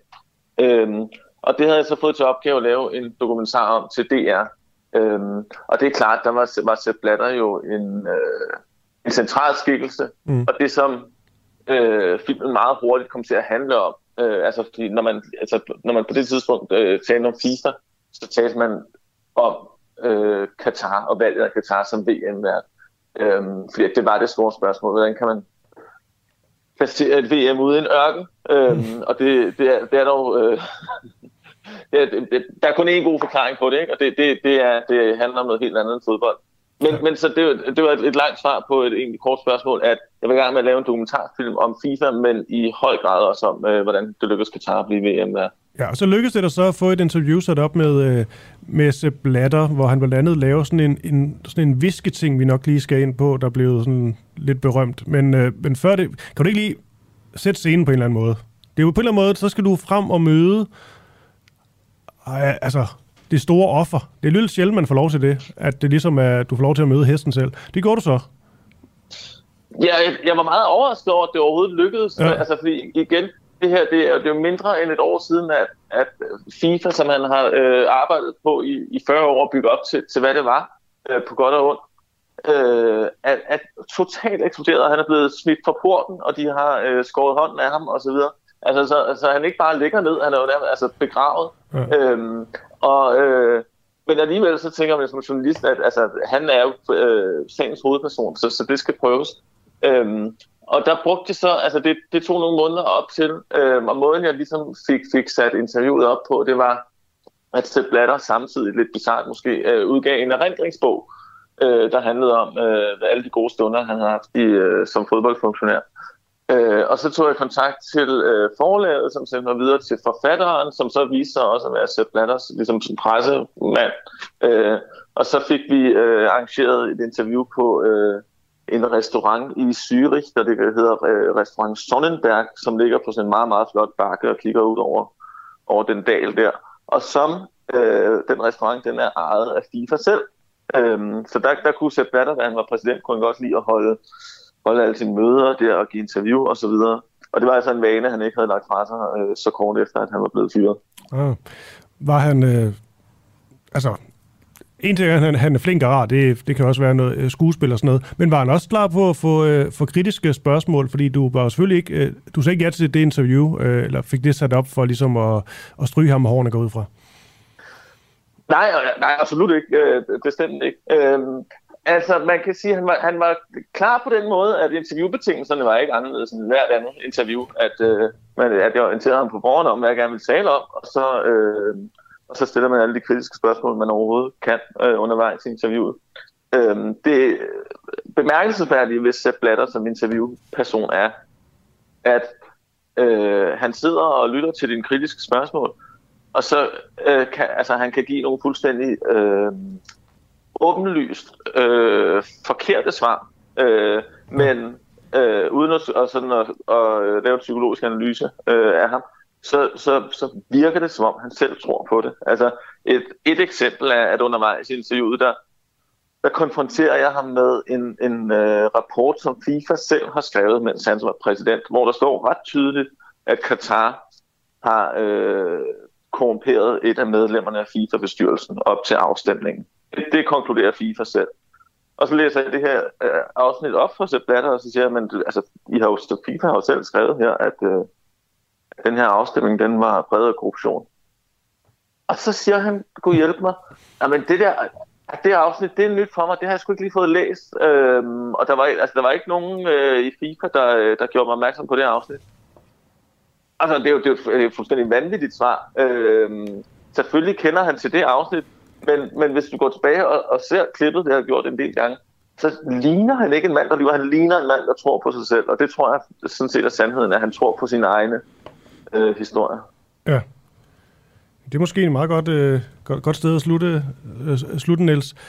Øhm, og man kan jo altid selv finde, jeg ved, at klippet stadig ligger der, der hvor han bliver spurgt ind til, hvordan det ligesom kom til Katar, og så lave sådan et visketegn, ikke? som om at, øh, altså han siger jo ikke, det er korruption, men det gør han jo så alligevel med, sit, øh, med sin gestikulering på en eller anden måde. Der ligger enormt mange øh, subtekster i den listen her. Ja, lad os bare slutte den der. Niels Borkhardt Holm, filminstruktør og journalist, og tak fordi du lige delte den her historie med os, og så må vi se, hvad der sker med den her retssag.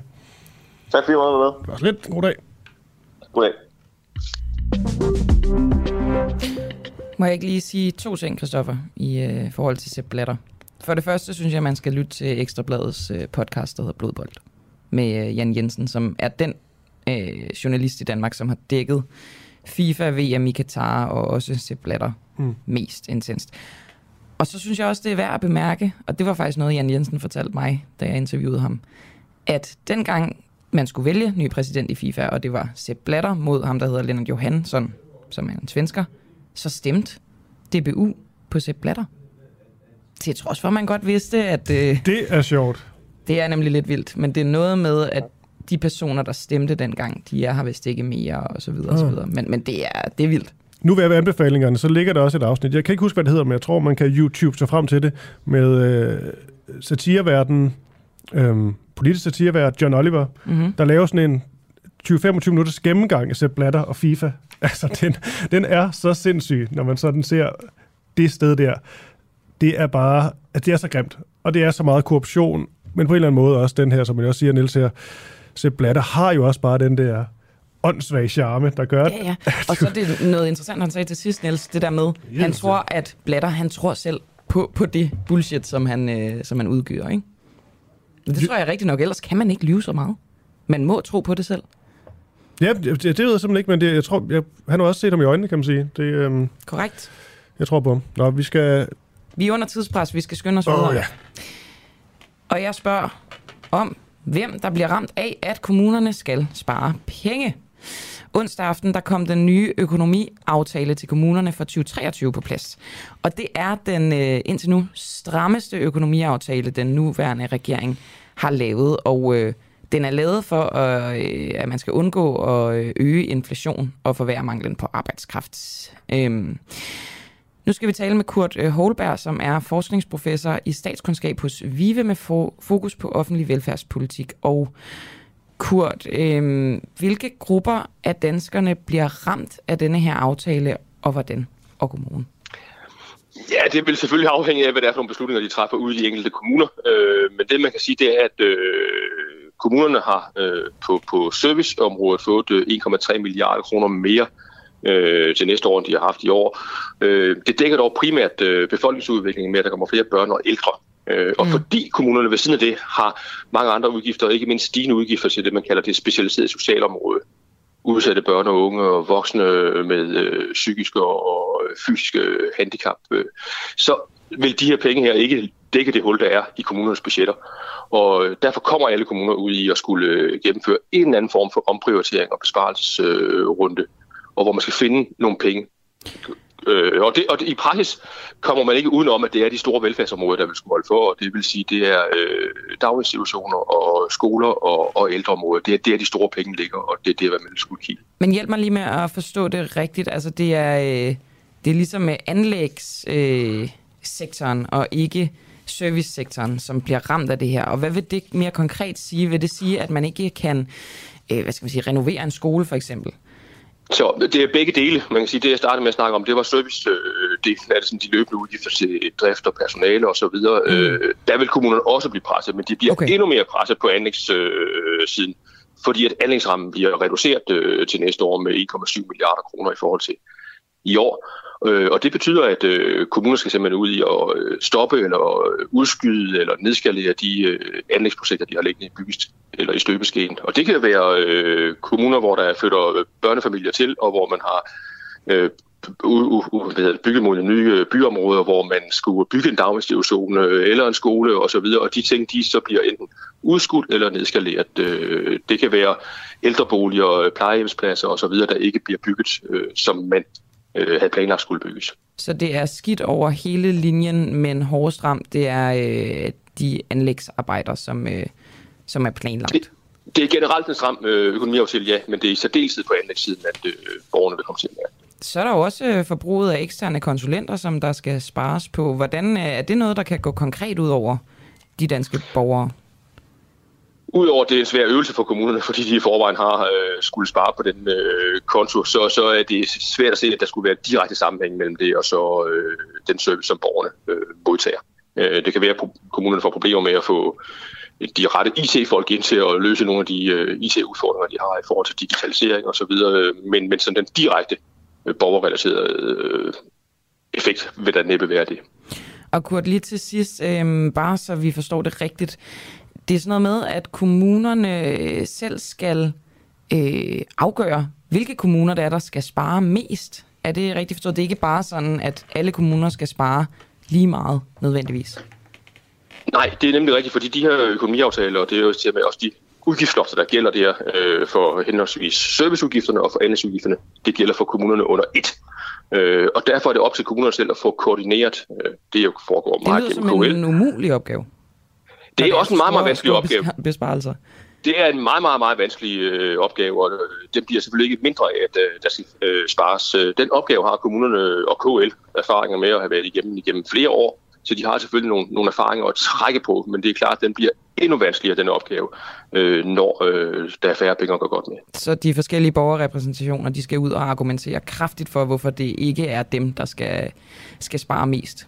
Kan man sige. Ja, lige nøjagtigt. Både over for, øh, ja, over for de andre borgmester øh, mm. og over for KL vil man skulle, og det gælder selvfølgelig dels på anlægssiden nu, hvor man skal hvor der er en mindre ramme til, til næste år, øh, der vil man skulle finde de store argumenter frem for, hvorfor det er vores projekter, der skal øh, gennemføres, og ja, de andres, der skal udskydes. Spændende at se, om der er nogle kommuner, der siger, okay, vi, vi tager en forholdet i den her omgang. Øh, det må vi jo se til den tid. Øh, Kurt Holberg, øh, du er forskningsprofessor i statskundskab hos øh, VIVE med fokus på offentlig velfærdspolitik. Tak fordi du lige var med.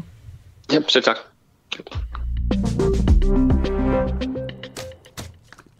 Klokken er blevet 20 minutter over 8. Ja. Det er rigtigt. Det er fredag. Vi er snart fri og weekend og alt muligt, Camilla. Det er også rigtigt. Ud at drikke øl. Jeg skal, Måske, jeg skal på travbanen, Christoffer, i weekenden. Ja, men der er jo altså, travbanen er, er blevet dræbt for mig. Hvorfor det? Jeg mener det faktisk.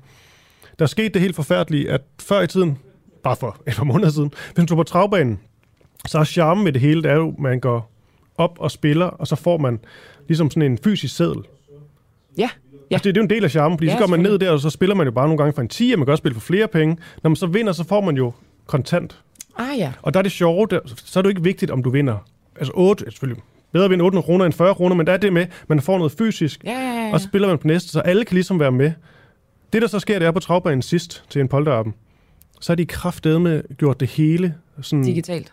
Ja, og nu, siger, nu er jeg sådan en, der ikke øh, lige har en smartphone, men det er ikke det, det handler om i den... Det lyder som om, jeg snakker med Anders Kjærulf lige nu. Nej, nej, men det er faktisk ikke det, det handler om, fordi alle, der var til stede til den polterappen, synes, det var så nedtur. Blev faktisk enige om, vi ikke gad tage det hen længere. Fordi lige pludselig, så er der ikke den der spænding. Man sidder med en skide app, alle sidder glor ja, ned i deres ja. telefon, og det der med sådan at vinde 40 kroner på ens telefon, ah, det nej, føles det er uschammerende. Det er uschammerende. Det handler jo om at få det fysisk. Ja, Også det med hele den der med, og kan lige sige en sidste ting.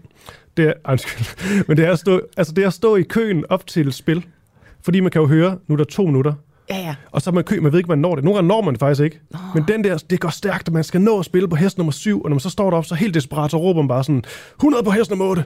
Ved hvem altså, nu har du taget alt glæden og forventningen. Jeg har aldrig været på travbanen ud af det. Det eneste, der redder det, der er, at jeg ved, der er en hest, der hedder Gita Nørby. Og, øh, ja. det så kan jeg lige sige, en, en sidste ting, det er, at det er meget, meget sjovt at være på galopbanen. Jamen, det ved jeg godt. Det ved jeg godt. Det er fordi, at der ikke er galop den dag. Okay. Så blev det travbanen. Godt. Vi, øh, det er en rigtig lortedag. vi skal ikke snakke mere om trav. Jeg skal ud og høre rockmusik. Okay. Lad os, øh, lad os komme videre til noget mere relevant. Som for eksempel, om Dan Jørgensen han lyver om øh, atomkraftværker.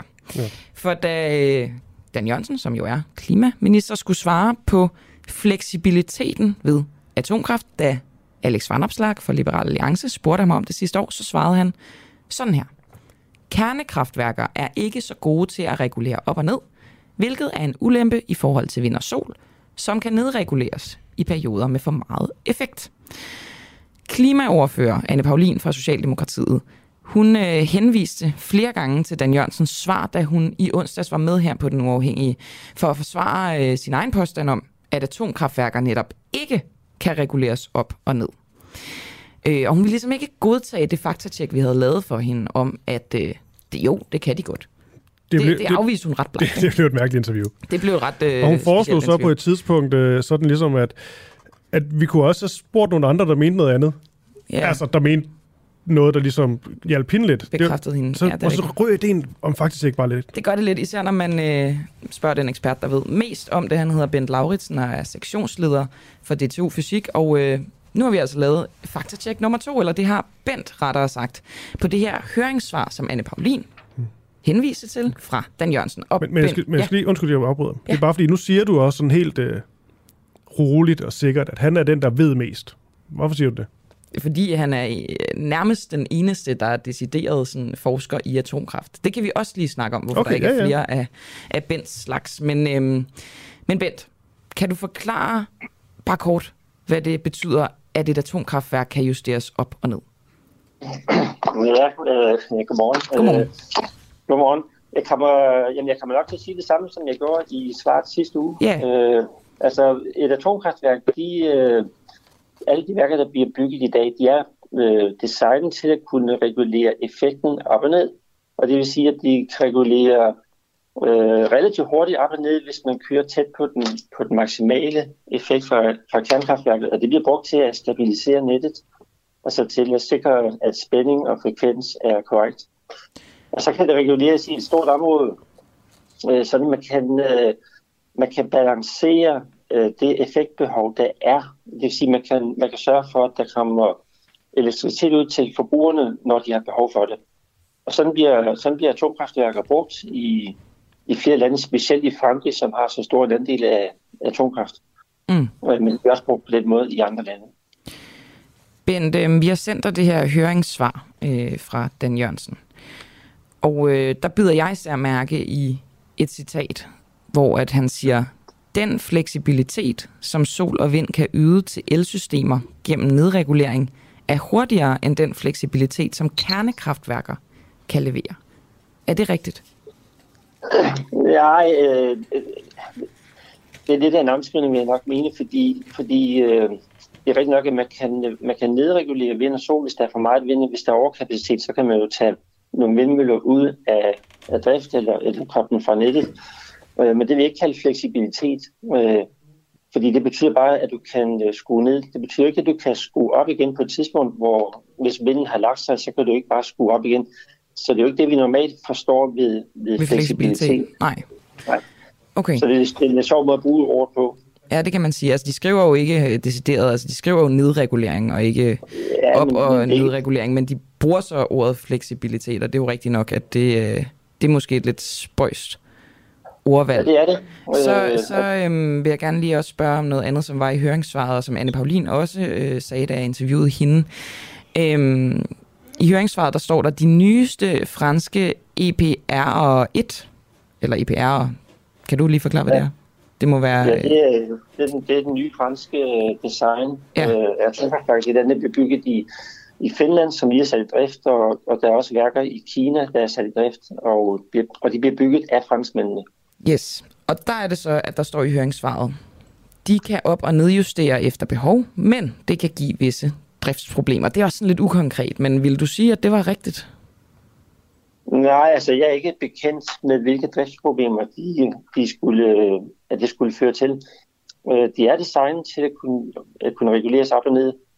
Øh, Og, øh, og det, må, det må Den Jørgensen forklare, hvad det er for nogle driftsproblemer. Så hvis du skal sådan over en bred kamp vurdere det her høringssvar, er det så faktuelt korrekt? Ja, Altså, der, er- selvfølgelig er der ting i svaret, der er rigtigt, øh, men der er også noget, som jeg vil, jeg vil sige er misvisende. Okay. Øh, Øhm, godt så. Jamen, øh, det går vi jo selvfølgelig videre med. Vi har flere ting, vi skal snakke med Dan Jørgensen om. Det er som om, at det, det håber sig op. Men Bent, lige her til sidst, altså, jeg sad sådan og øh, begyndte at undre mig lidt i går, fordi når man taler om atomkraftværker, øh, så bliver det også tit nævnt, at der på en eller anden måde øh, bliver kørt lidt en hets imod atomkraft, sikkert i kølvandet på øh, nogle kraftige kampagner, øh, op gennem 70'erne og 80'erne, og så at man ligesom i energiplanlægningen valgte at fokusere 100% øh, på, øh, på vind- og solenergi i Danmark. Men så kommer jeg til at tænke på, fordi når man skal søge på atomkraftforskere, øh, så er det nærmest kun dig, der dukker op. Findes der andre, der er lige så specialiseret i Danmark øh, end ja, dig? Der, ja, der findes et stykker, men der er ikke mange. Øh, altså, vi har en, en lille gruppe på øh, DTU, øh, men, og øh, altså, nu skal vi lige være helt præcise i definitionen, ikke? fordi når vi så snakker atomkraft, så tænker vi, så jeg tænker på reaktiv fysik, altså det, at vi, mm. vi er med til at udvikle nye reaktortyper. Ja. Så, så findes der relateret forskning inden for strålingsbeskyttelse og ja. miljø og sådan ting, men, men egentlig reaktiv Jeg tænker på det andet med reaktorerne. Ja. Ja, ja. Øhm, og hvordan kan det være? Altså, øhm, hvordan er det for dig som forsker at få bevilling til din forskning det, om øh, atomkraftreaktorer? Det, det er rigtig svært. Øh, og det er jo selvfølgelig det, der er årsagen til, at det er så et lille felt i Danmark, at, øh, at øh, på den ene side, så er det selvfølgelig forskningsfrihed. Altså forskere kan, de kan arbejde med de emner og metoder, som de selv vælger, og står kun til mål for resultaterne.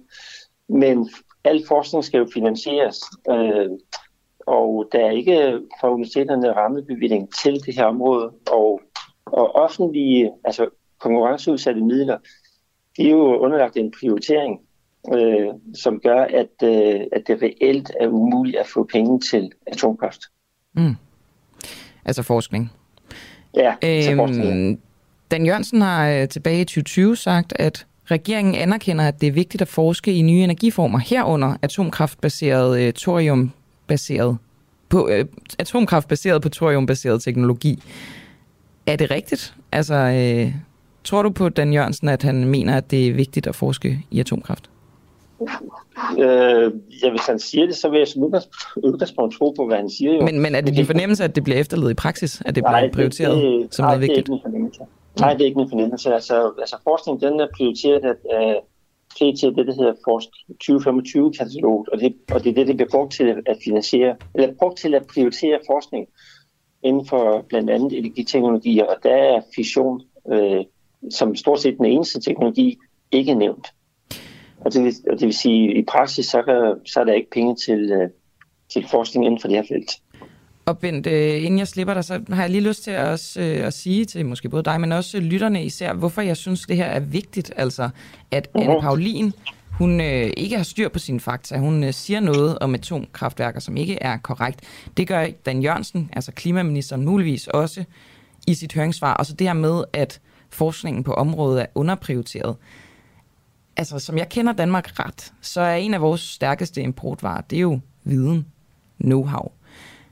Og derfor undrer det mig, at selvom vi ligesom ikke satser på atomkraft i Danmark, at vi så ikke vil forske i det, og det kan jeg ikke få til at give mening. Og derfor synes jeg, det peger på, at der er en eller anden enten berøringsangst eller øh, decideret modarbejdelse, når det kommer til atomkraft. Det ved jeg ikke, om du er enig i. Bent Lauritsen? Jo, øh, jo men det er jeg, det er jeg egentlig ikke. Altså, øh, vi vil gerne forske i, i fremtidens teknologier. Øh, og der, og der, må der er jeg altså svært at forstå, hvorfor man vil udelukke en teknologi, som, øh, som er en, en ren teknologi og kan bruges i en grøn omstilling. Og spørgsmålet er, om den øh, udelukkelse den er baseret på følelser. Det øh, vil vi nok grave lidt videre i, men du skal i hvert fald have tak, Ben Lauritsen. Jamen, øh, vel, han er sektionsleder for DTO Fysik. Er det ikke meget spændende, det her? Altså, øh, der er virkelig mange følelser i atomkraft. Men... Du er også lidt ved at lyde som en stor fortaler for atomkraft. Ikke nødvendigvis. Det siger bare. Nå, men det, det er jeg ikke nødvendigvis. Jeg, Ej, jeg har bare ikke fået et godt svar på, hvorfor at det bliver så underprioriteret. Altså, hvis nu, at Anne Paulin og Dan Jørgensen kunne give mig nogle gode svar på det, mm. så, så stopper jeg med at lede. Det er ikke det. Det er lige før, hvis de bare tror op med sådan en atomkraft, øh, nej tak, og så bare øh, kørt hele den, den er, det, det argument afsted, så ville jeg næsten synes, det var bedre. Ja, ja, så, ville det, det, så, så ville vi være mere sådan klar omkring, at Præcis. det er følelser, og så er det og så tanken om, at det, det går galt, det er stadig det, der ligger sådan i baghovedet, og derfor så, så er det sådan ikke den vej, vi går. Og det er jo fair nok. Jeg vil bare gerne vide det, altså åbent og ærligt, ikke? Jo. Jeg, jeg er hverken for eller imod. Jeg, jeg aner det ikke, men jeg synes bare, det er påfaldende. Ja. Jeg synes, der er rigtig meget i forhold til det der radioaktive affald, affald og Klart. Kraftet med den der halveringstid og de der ting, hvor man tænker, så det ikke er der et par millioner over. Jeg, jeg, altså, der er mange ting, der gør, at jeg vil være skeptisk. Men så er der omvendt nogen, der siger, at man sagtens kan, at det fylder ikke så meget, og man kan sagtens uh, få det pakket væk og så videre. Men det, det, igen, det ved jeg ikke så meget om. Jeg vil bare gerne have fakta på bordet. Ja, det forstår jeg godt. Nå, vi skal til, øh, til SAS, hvor Igen. det... Uh. Ja, det går mildest talt ikke godt for det SAS. Lad os bare sige det, som det er. Øhm, og nu går debatten også på, hvorvidt øh, staten stadigvæk skal poste penge i øh, det her foretagende, som øh, økonomisk set er en, en katastrofe. Ja. Ej, det kan man bare se. Det er, det er helt vildt. Ja, det Sådan noget med, hvis du havde sige. købt nogle aktier, da SAS var på toppen i 2007. Hvis du købte for 100.000 kroner, ville det være 133 kroner værd, synes jeg, jeg læste sted. Nu handler det så om øh, SAS-piloternes øh, strække, mulige strække i hvert fald. Fordi cirka 1000 SAS-piloter, de varsler en konflikt med SAS fra tidligst om 14 dage. Vi taler nu med Henrik Thyregod. Han er formand for Dansk øh, Pilotforening. Og jeg tænker egentlig lige at høre lidt ind, eller starte med at høre til, øh, til timingen. Fordi Camilla, det er vel begynder at nærme os her omkring, hvor folk går på, på sommerferie sådan i slutningen af juni, starten af juli, og skal ud og rejse. Så jeg går ud fra, at der er rigtig mange, der skal bruge SAS i de her kommende dage. Det må man antage. Men øhm, det kan jo også være en tilfældighed. Er det en tilfældighed, at det er, det er lige nu, at den bliver varslet, den her strække, Henrik Thyregod, og godmorgen? Ja, godmorgen, det er Henrik Thyregod. Øh, tilfældighed er det jo ikke. Altså, vi har forhandlet med SAS i syv måneder. Vi startede midt november.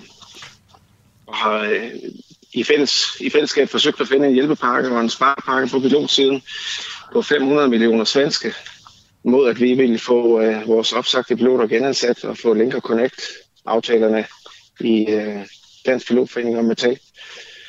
Og i fredags der fik vi så en, øh, en klar besked fra SAS om, at, at det var de ikke interesseret i. Altså hvis, hvis vi skulle have det den vej, så ville de ikke give nogen garantier for, at man ikke bare lavede samme træk med os igen.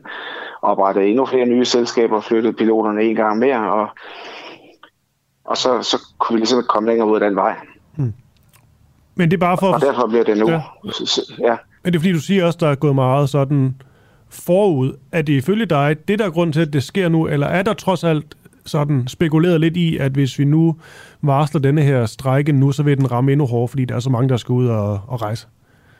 Altså jeg kan sige, at i fulde alvor, så har vi siddet seks mand i, i Stockholm nærmere de her syv måneder og, og diskuteret det med SAS og arbejdet seriøst på at finde spareplaner i forhold til løn og pension og i forhold til arbejdstid, at, at man sætter piloterne op fra 47,5 timer om ugen til at kunne arbejde 60 timer om ugen. Altså de her ting, der vi arbejder helt seriøst med til, til i fredag, så fik jeg vide, at, at SAS ville altså ikke afstå fra muligheden for allerede øh, med det samme at oprette nye selskaber. Det er Så, så der, er- det, Ja, ja. der er ikke spekuleret det mindste i det. Okay. Det kan jo virke sådan lidt udefra set sådan lidt, lidt underligt det her, fordi så taler man om, om SAS, som stadigvæk får øh, rigtig mange penge sprøjtet ind øh, og reddet af flere gange af, af staten, groft sagt. Men ja. fordi så tænker man, så, så, vil, så SAS burde jo så trods alt i hvert fald have styr på, nu hvor det er så dårlig en forretning, men have styr på det der med sådan, altså overenskomster og have styr på medarbejderne og gøre dem tilfredse og have gode arbejdsforhold, modsat måske nogle af de billigere flyselskaber. Men det synes du så Ja. ikke rigtigt, de har? Øh, altså hvis vi tager piloterne for sig, så, så kan jeg sige, at vi er konkurrencedygtige i forhold til andres piloter. Vi er, vi er billigere end Ryanairs piloter. Mm. Vi har meget, meget mere fleksible arbejdsvilkår end, end Ryanair-piloter, som er nogle af, af de, de bedste på markedet. Øh, piloter udgør alt i alt 5% af de samlede omkostninger. Så det er sådan, at selvom vi gik gratis på arbejde, så kunne det på ingen måde redde SAS situation. Mm. Altså, problemerne ligger andre steder. Administrationen er meget tungere i SAS, end den er andre sel- selskaber. Øh, vi har en gæld på 40 milliarder svenske kroner, der skal afdrages på og, og renter på. Det er de ting, der reelt gør forskellen, men, men vi har bare valgt at sige, at det skal ikke skorte på det her, så piloter vil gerne deltage. Så vi har fundet 25 procent i øh, pilotsammenhænge her, og, og det er temmelig meget et år, hvor, hvor at, øh, inflationen er høj. Andre får lønstigninger. Okay. Og vi hjælper gerne, men, men, men øh, det er klart, så synes vi ikke, det er rimeligt at hente øh, spanske, italienske, ungarske, marokkanske piloter ind og, og flyve i København, mens vi har 135 danske piloter opsagt, der går arbejdsløse og skal betales af staten. Jeg synes simpelthen ikke, det giver mening. Nej, men hvis det er der, man ender, så kan man også tænke, at de her statskroner begynder at se sådan lidt, øh, lidt underlig ud, hvis man... Jamen det er, fordi det, det er i hvert fald et af de steder, hvor jeg ser statens mulighed for at få nogle af pengene tilbage. Okay. Altså det er jo igennem årene ikke så været sådan SAS har tilbagebetalt alle de tilskud og lån, man har fået, men, men øh, hvis man så til gengæld har 5.000 ansatte i, i Danmark, så, så ryger nogle af pengene tilbage i form af skat. Men det gør de jo ikke, når man henter piloter fra Spanien og Italien og Ungarn og Marokko. Mm. Så jeg, kan- jeg kan så ikke se, øh, hvad ideen er. Men sådan en strække, hvis den så rent faktisk bliver ført, øh, ført ud i livet, det vil jo betyde, alverden for mange danskere gå ud fra, også folk, der har glædet sig til at komme på ferie med deres øh, familier, og så lige pludselig ender de i sådan et, øh, et kaos. Det må det vel også påvirke øh, dig? Jamen altså, der er jo ikke noget, vi er nødige at vælge en strække. Jeg har brugt, som sagt, syv måneder på at undgå at komme hertil. Men at bare få en klar besked og sige, at SAS vil ikke være med, øh, så, så har jeg ikke andre muligheder. Okay. Jeg har set, at ledelsen har været ude og sådan kritisere denne her, blandt andet også timingen øh, bag. Hvad, hvad giver du for den kritik? Ingenting, for det, timingen det er jo deres egen totalt. Altså, vi sad med dem i november, hvor vi talte om nøjagtigt de her ting og de her forhold, og så venter de til nu i fredags med at sige til os, I kan bare ikke få den del, I vil have. Vi vil gerne tage imod 25% besparelse, det lyder super fint. Men I kan sagtens finde på at oprette nye selskaber med det samme, og, og, og I, I lægger sådan set bare penge, og så, så er de måske spildt. Okay, hvis I ikke... Øh, ja. Den timing, den står de altså 100% selv for. Mm. Hvis I ikke får, hvad, hvad I vil have, er I så villige til at give øh, dødstød til SAS? Så det er jo sådan, at SAS har jo næsten øh, valgt at køre udenom os. De har oprettet nye selskaber, flyttet den øh, eksisterende produktion ind i de nye selskaber, så det identisk ser ud som det er SAS-fly og, og, og, og SAS-billetter, man køber. Men, men hvis, hvis det er tilfældet, som, som vi har set nu i to år, øh, så har SAS jo valgt, at vi ikke er en del af fremtiden uanset. Og så kan I prøve at tænke over, hvor meget I selv vil øh, deltage i, i et selskab, I arbejder på, for, som, men betyder, som ikke vil have med i fremtiden. Betyder det, at danske piloter ligesom bliver valgt fra eller nedprioriteret af SAS? 100 procent. Altså, de har, de har i hvert fald valgt at køre udenom vores piloter. Okay. At de så har, har oprettet nye selskaber i Danmark, og så tager, tager andre piloter ind, det er, jo, det er jo en anden sag, men, men det kan jo ikke bruge til noget. Så jeg tænker sådan her, hvis ikke vi skal være en del af fremtiden, så skal de nok finde et andet sted at finde besparelserne. Okay. Henrik Thyregod, formand øh, for Dansk ja. Pilotforening, det var, det var klar tale her til morgen. Tak for det. Det var godt. Selv tak. God dag. Hej. Hej. Det var altså ret seriøs kritik, det der.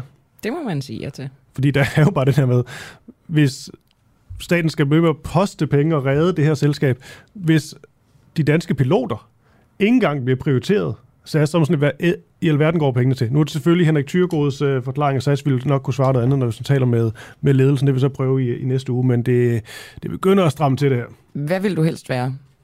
Formand i Dansk Folkeparti, altså hvis vi ikke tager politikken med, altså bare som job, eller pressechef i SAS? Jeg tror, du skulle til at sige pilot. Så ville jeg vel jeg synes, det var sådan et godt barndomsspørgsmål. Altså det der med, det, det er uagtet ligesom Dansk Folkepartis politik, men det er jo lidt hård opgave lige nu. Og begge gi- dele, ikke? Giv mig lige igen. Altså, formand i Dansk Folkeparti, ja. eller pressechef i SAS? Jamen, klart formand i Dansk Folkeparti. Nå, okay. Altså, der er jo, du, vi, altså, hver gang vi taler med DF, er det jo en, det er jo en fest. Jeg tror, vi vil gøre det til en fest. Jeg vil, ja, jeg vil få festen du, tilbage. Altså, alle, alle forlader jo Dansk Folkeparti lige nu. Det er ikke, hvis jeg er formand. Nå, på den måde. Okay. Det kan ikke, også være, at du kunne få SAS op og køre Jeg er jo ikke Morten Messerschmidt. Nej, det kunne jeg ikke, for det er sådan noget administrativt gang. Ja, det er DF, der vil jeg bare øh, få festen tilbage. God stemning. Lave en øh, sådan fællessang igen. Ind med en pølsevogn, et eller andet. Ja, okay.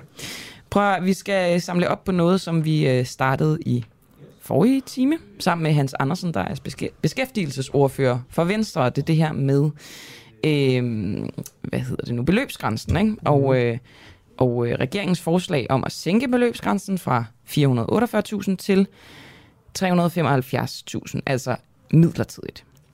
Og det var noget, som øh, Blå Blok de stemte nej til, og så begyndte der ellers en form for infight på Twitter, hvor at øh, Blå Blok var vrede over, at øh, regeringen ikke havde inviteret dem med til nogle forhandlinger, og regeringen var vrede over, at Blå Blok nedstemte noget, som oprindeligt er deres politik. Og nu skal vi tale med en fra regeringen. Det er udlænding- og integrationsordfører i Socialdemokratiet, Kasper Sand Kjær. Og øh, Kasper, hvordan kan det være, at I har valgt at gå med en løsning, som ikke bliver bakket op af hverken de økonomiske vismænd eller dansk øh, industri? Jamen det er jo, en, som du også selv er inde på, en, en lidt skæv situation, der nu har udspillet sig. Altså det er jo ikke, det er ikke en idé, der er født i vores baghave i, i første omgang at sænke øh, beløbsgrænsen. Øh, det var jo tværtimod et stort ønske fra, øh, fra de borgerlige partier, og derfor lagde vi det jo frem også som et forsøg på at finde et kompromis i, i forhandlingerne i, i, øh, i foråret. Det lykkedes så ikke. Øh, men har jo så forsøgt alligevel også at lytte til de bekymringer, der er i, i dansk erhvervsliv om, at, at der er nogle brancher, hvor man har svært ved at rekruttere øh, arbejdskraft. Og derfor var vores klare forventning, at når vi lagde det i Folketingssalen, at, at gå så langt og så tæt på det, som de borgerlige partier har nu øh, op til skrevet på et, et års tid, mm. at så vil de også bakke op om det, ikke? Så det, det bliver også helt, helt omvendt øh, verden lige pludselig. Ikke? Men, men øh, Kasper, altså, øh, man kan sige, kompromiser, det er jo som udgangspunkt en, en god ting, også i politik, også i hverdagslivet. Men øh, for eksempel de økonomiske vismænd, de siger, at øh, det giver ikke nogen mening ikke at lave den her løsning permanent. Så er det her kompromis i virkeligheden altså lidt sådan en, en skin, et skinforslag? Nej, det er det ikke. Og jeg tror nu også, at erhvervslivet havde foretrukket, at, at vores model var blevet vedtaget frem for, der slet ikke det, det er jo netop det, de ikke har, for eksempel Dansk Industri og de økonomiske vismænd, det er jo Jamen, erhvervslivet, men, men øh, og også øh, Dansk Erhverv og sådan nogle, ikke? Så, så det er jo, I får jo ikke opbakning til det. Så hvordan er det her kompromis altså bare halvvejs godt, når det ligesom ikke øh, er effektfuldt, siger Dansk Erhvervsliv?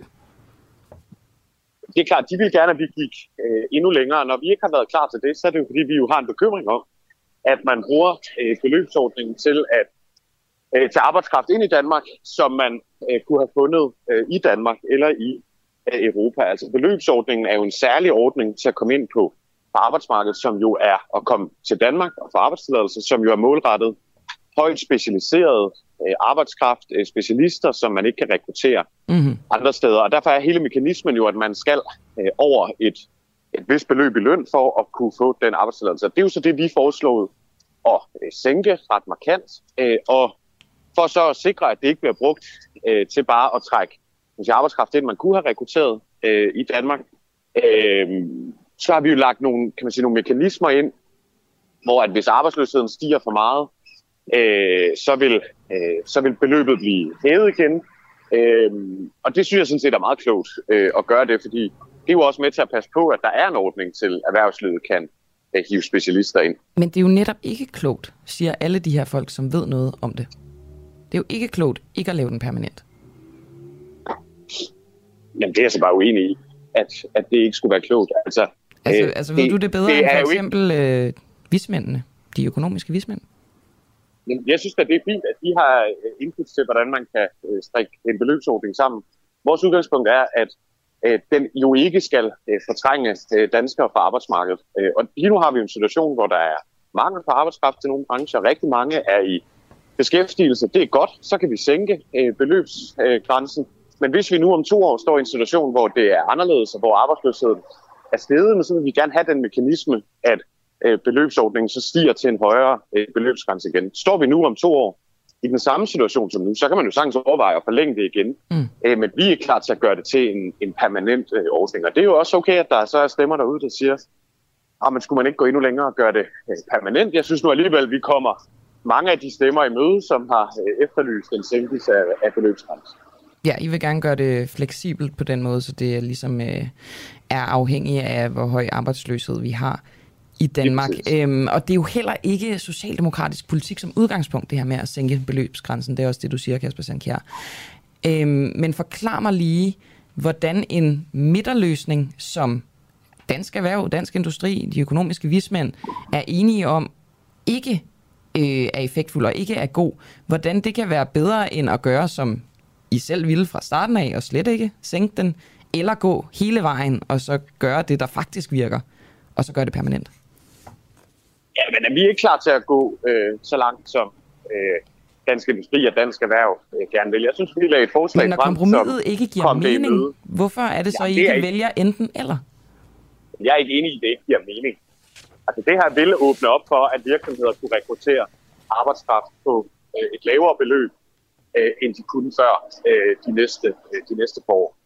Øh, og så kan det godt være, at man gerne vil have, at vi gik endnu længere. Det er jo helt øh, fair, men jeg synes, vi her kom, kom det med noget. Det blev jo slet ikke til noget, fordi de borgerlige partier jo stemte øh, nej til det, og så er det jo sådan, det er. Øh, og så bliver ordningen, øh, som den er i dag. Eller fordi, at de øh, ikke har ville, i hvert fald ifølge de borgerlige, øh, har nægtet at mødes med dem til at forhandle om det her, eller fordi I ligesom ikke har ville imødegå den øh, model, som de gerne vil have. Og øh, Kasper Sankjær, jeg tænker bare, at det her kan jo blive et problem, for som du siger, det er ikke blevet stemt igennem, og så øh, er det måske om sådan, der placeres skyld. Men konsekvensen er jo for eksempel, øh, siger Brian Mikkelsen fra, øh, fra Dansk Erhverv, at i en periode på bare tre måneder i efteråret vurderede virksomhederne, at de kunne have omsat for 35 milliarder mere, hvis de havde kunne ansætte efter behov. Øhm, så, så det er jo Danmark, der mister penge på det her. Mm. Og derfor synes jeg også, det er ærgerligt, at øh, vores forslag så ikke blev stemt igennem. Jeg synes ikke, det er rigtigt at sige, at vi ikke har øh, indbudt til forhandlinger. Altså, vi sad jo i et langt forhandlingsforløb øh, hen over Fire dage øh, vinteren. Rasmus Jarlov. vi sad hen over vinteren og forhandlede med de borgerlige partier, som jo så valgte at forlade det. Øh, blandt andet jo fordi Venstre og Konservative havde øh, blandet blod med, med Pernille Vermund om, at, at det var vigtigt at sikre, at der ikke kom øh, nogen ind fra muslimske lande, øh, end, at, øh, end at sikre, at, at man fandt en løsning, som, som kunne imødekomme det behov, som, som dansk erhvervsliv har. Okay, og det var derfor forhandlingerne gik i hårdknude. Det var sådan, jeg forstod det på de borgerlige partier, da de stillede sig ud foran mm. forhandlingslokalet og sagde, nu står vi sammen om at øh, ikke vil øh, åbne op for, øh, for, at beløbsgrænsen kan gælde øh, for alle lande, men kun for bestemte lande. Og var det vigtigere for jer øh, ikke at gå hele vejen og gøre ordningen permanent, end at sikre, at danske virksomheder kunne ansætte efter det behov, som de har? Både i efteråret og lige nu. Det vi forsøgte at gøre, det var jo at finde en vej, hvor vi kunne gøre begge dele. Altså både imødekomme Men det kunne I jo så det ikke. behov, er. Forhandlingerne brød sammen, og nu er det så ikke blevet stemt igennem. Så var det vigtigere for jer ikke at imødegå de blå partier, end at sikre, at virksomhederne kunne blomstre yderligere og få den arbejdskraft, de har behov for? Jeg synes ikke, man kan stille det op på den måde. Altså det vi gerne ville var at imødekomme både det akutte behov, der er her nu øh, i dansk erhvervsliv, men samtidig passe på øh, vores danske arbejdsmarked og sikre, at der ikke er, er danskere, som bliver fortrængt øh, fra arbejdsmarkedet af udenlandsk arbejdskraft, der kommer ind til en måske lavere løn. Og det er jo de balancer, man skal finde, når man laver den her type ordninger. Jeg synes, vi har fundet øh, den rigtige balance. Det er jo helt øh, fair, at man ikke er enig øh, i det hele. Men jeg synes, det er ærgerligt at gå ned og stemme nej til noget, som øh, vel alt andet lige trækker markant i den retning, som øh, også de borgerlige partier har efterlyst. Hvad tænker du egentlig om den her øh, infight på Twitter mellem Rasmus Jarlov og Rasmus Stoklund og Peter Hummelgaard fra, øh, fra dit parti? Det, der bliver jo virkelig kastet med, med mudder. Det, det, ved- det tror jeg ikke, jeg har læst. Nå, det har du holdt dig udenfor. Det burde man nok også. Det, er- det er ikke så kønt at se på i virkeligheden. Okay. Kasper Sankjær, tak fordi du var med. Selv tak. Og god dag. I lige måde. Altså udlændinge- og integrationsordfører for Socialdemokratiet, og her er repræsentant for at forsvare, øh, hvorfor regeringens forslag om en ny beløbsgrænse, det landede, som det gjorde. Det blev altså ikke stemt igennem. Nej. Niks. Klokken er 8.51. Der er lige 9, 9 minutter tilbage, før en uafhængig morgen holder en lille, velfortjent øh, weekend. Siger du, vi har arbejdet hårdt? Nej. Det har vi da. Vi er så tidligt op i hvert fald. Korrekt. Øhm, ja, og dejligt lytter med derude. Men øhm, vi har lige lidt tilbage. Vi har sådan en, en, øh, hvad kan jeg sige, en asylsag, vi er fokuseret på i forhold til en, øh, en mand, der blev fyret, og nu er han vendt, øh, vendt tilbage. Jeg ved ikke, vil, du, vil du sige lidt, eller skal jeg prøve at... Jamen altså, det handler kort. jo om øh, en daværende centerchef ja. på Asylcenter Holmegård. Han hedder Ulrik Pil. Og tilbage i 2016, der bliver Henrik Pil fyret på grund af mistillid. Det var noget, øh, daværende Radio 24 kunne afsløre. Og øh, det var simpelthen fordi, at Ulrik Pil sammen med øh, den daværende centerleder på det, der hedder Børnecenter Tullebølle, ikke valgte at fortælle om episoder med seksuelt misbrug af asyldrenge, da blandt andet Udlændingestyrelsen var på tilsynsbesøg. Ja. Øhm, det blev han så fyret for. Og så går det så ikke værre eller bedre, end der er også nogle, øh, altså nogle mellemregninger, men, men nu øh, er der så brug for en ny øh, centerchef på Asylcenter Holmegård i forbindelse med, at man skal tage imod en masse nye ukrainske flygtninge. Mm. Og hvem er det så, Røde Kors, de udpeger til det? Jamen, det er jo så øh, Ulrik Pil. Og det er jo ikke, fordi det i sig selv behøver at, at være, være noget i det, men det er da trods alt lidt interessant, at øh, en mand, som simpelthen bliver fyret på grund af mistillid, fordi han ligesom ikke har fortalt om øh, seksuelt misbrug af asyldrenge og andre ting, da Udlændingsstyrelsen de kom forbi, at han så er tilbage. Han Det er jo også en grov forsømmelse. Det må man da godt nok sige. Og han blev jo øvrigt valgt ind i byrådet for, for SF øh, tidligere i år. Nu er han så kommet så langt her, at han ligesom er ham, de indsætter Røde Kors. Og vi er jo selvfølgelig, det er jo ikke fordi, vi siger, at han har gjort noget, eller ikke vil gøre et godt job, men vi vil jo bare gerne lige høre Røde Kors. Hvordan, de, altså hvad, hvordan er de tjekket op på ham? Hvordan kan de sikre sig, at det her det bliver noget noget andet, hvis det nu skulle være en, en grim sag. For vi Der har er jo der også... ikke andre kompetente. Jeg ved godt, at vi mangler Ja, ja, arbejdskraft, men altså... Ja, ja. men også fordi, Camille, vi har jo haft fokus på øh, de her asylcentre, hvor der i hvert fald er et par historier, der er begyndt at florere. TV2 har også haft nogle videoer fra, øh, fra Viding øh, Asylcenter øh, om elendige forhold, øh, druk, stoffer, en sten, der bliver kastet gennem et vindue. Mm. Vi har en, der hedder Jesper Christensen, der har talt om, det er en påstand, skal lige sige, som ikke bekræftet, men om, at der er fundet voldtægt der stadig, dog ikke på Holmegården på et andet øh, Nej, nej. asylcenter, men det er bare for at sige, at, at nogle af de ukrainske flygtninge måske også gennemgår en rigtig svær, hård tid på de her asylcentre. Og hvis man begynder at tale om i hvert fald rygter og påstanden om voldtægter, så er det jo i den mildest talt alvorlige ende, og er Ulrik Piel så, men Der vil, ligesom skal vurdere rigtigheden i rygterne og eventuelt indberette det til, til Udlændingsstyrelsen. Ikke? Ja, det var også det, han forsømte dengang i 2016. Røde Kors siger selv, hun hedder Tina Lundgaard, regionsleder i Røde Kors, at, øh, at den her ansættelse, det har han gjort, fordi han har god erfaring med asylarbejde som tidligere centerchef. Ja, men på et asylcenter. Men altså, vi har så prøvet, fået Røde Kors i tale. Tina Lundgaard, hun vil ikke medvirke. Hun nævnte så måske et bondet interview. Det hun så har sagt, det kunne ikke øh, lade sig gøre. Ulrik. Jeg tror også, øh, Røde... Ja, undskyld. Hvad sagde du? Nej, jeg bare sige, bare lige for helt kort. Uh, Ulrik Piel, han vil heller ikke deltage. Tony Hansen, borgmester Langland Kommune, vil heller ikke deltage. Og så har vi så fået et nyt svar. Svar fra Røde Kors, som siger, vi kender godt historikken fra, da Center Holmegård blev drevet af kommunen. Vi tager referencer på de mennesker, vi ansætter, og har fuldt ud tiltro til den nuværende ledelse, altså med øh, Ulrik Pil. Og jeg vil sige, nu, nu, øh, nu siger jeg det bare som det er, jeg er ikke så stor fan af, at man ringer til folk, uden at man har lavet en aftale med dem. Men der kommer også et punkt, hvor at man øh, er så desperat efter at få nogle svar, at det er den sidste løsning. Så jeg synes, vi skal prøve at ringe uaffordret til Røde Kors nu. Deres pressetjeneste, hvis du er klar på det, Christoffer. Øhm, nummeret, det er her på min computerskærm. Så kom med det. Ja, det er der. Jeg kan ikke se det. Jeg ved ikke, hvorfor jeg ikke vil sige det højt i radioen. Det står inde på deres hjemmeside. Det er 35 29 Ja. 96 99. Hvis de er sådan nogen, der møder klokken 9, så tager de den måske ikke. Men nogle gange har pressetelefoner altså rigtig længe åben. Ui, den er lidt høj. Jeg vil skrue ned. Røde Kors, det er Jens. Ja, goddag Jens. Du taler med Camilla Boracchi og Christoffer Lind fra radioen Den Uafhængige. Jeg skal lige sige, at du er live igennem radioen lige nu. Vi har ikke en aftale, men vi har valgt at ringe alligevel, fordi vi simpelthen ikke har kunne få svar fra jer i Røde Kors på en sag om øh, en udpeget centerleder øh, på Asylcenter Holmegård, som I har udpeget i Røde Kors. Han hedder Ulrik Pil, og han blev i 2016 fyret fra Asylcenter Holmegård, fordi han øh, simpelthen har forsømt at fortælle om seksuelt misbrug af asyldrenge til Udlændingsstyrelsen. Og der vil vi bare gerne have svar på, hvordan I kan have tiltro til, at Ulrik Piel han har de kompetencer, der skal til for at drive det her center. Ja, godmorgen. Det kommer Godmorgen. godmorgen. lidt bag på mig. Det Du ringer til mig. Ja. Den her sag kender jeg slet ikke noget til. Okay. Det, du har fået fat i her, det er Røde Korsets pressevagt, ja. hvor vi sådan normalt formidler journalistiske henvendelser til relevante medarbejdere i Røde Kors, som jo er en ret stor Ja, det er rigtigt. organisation.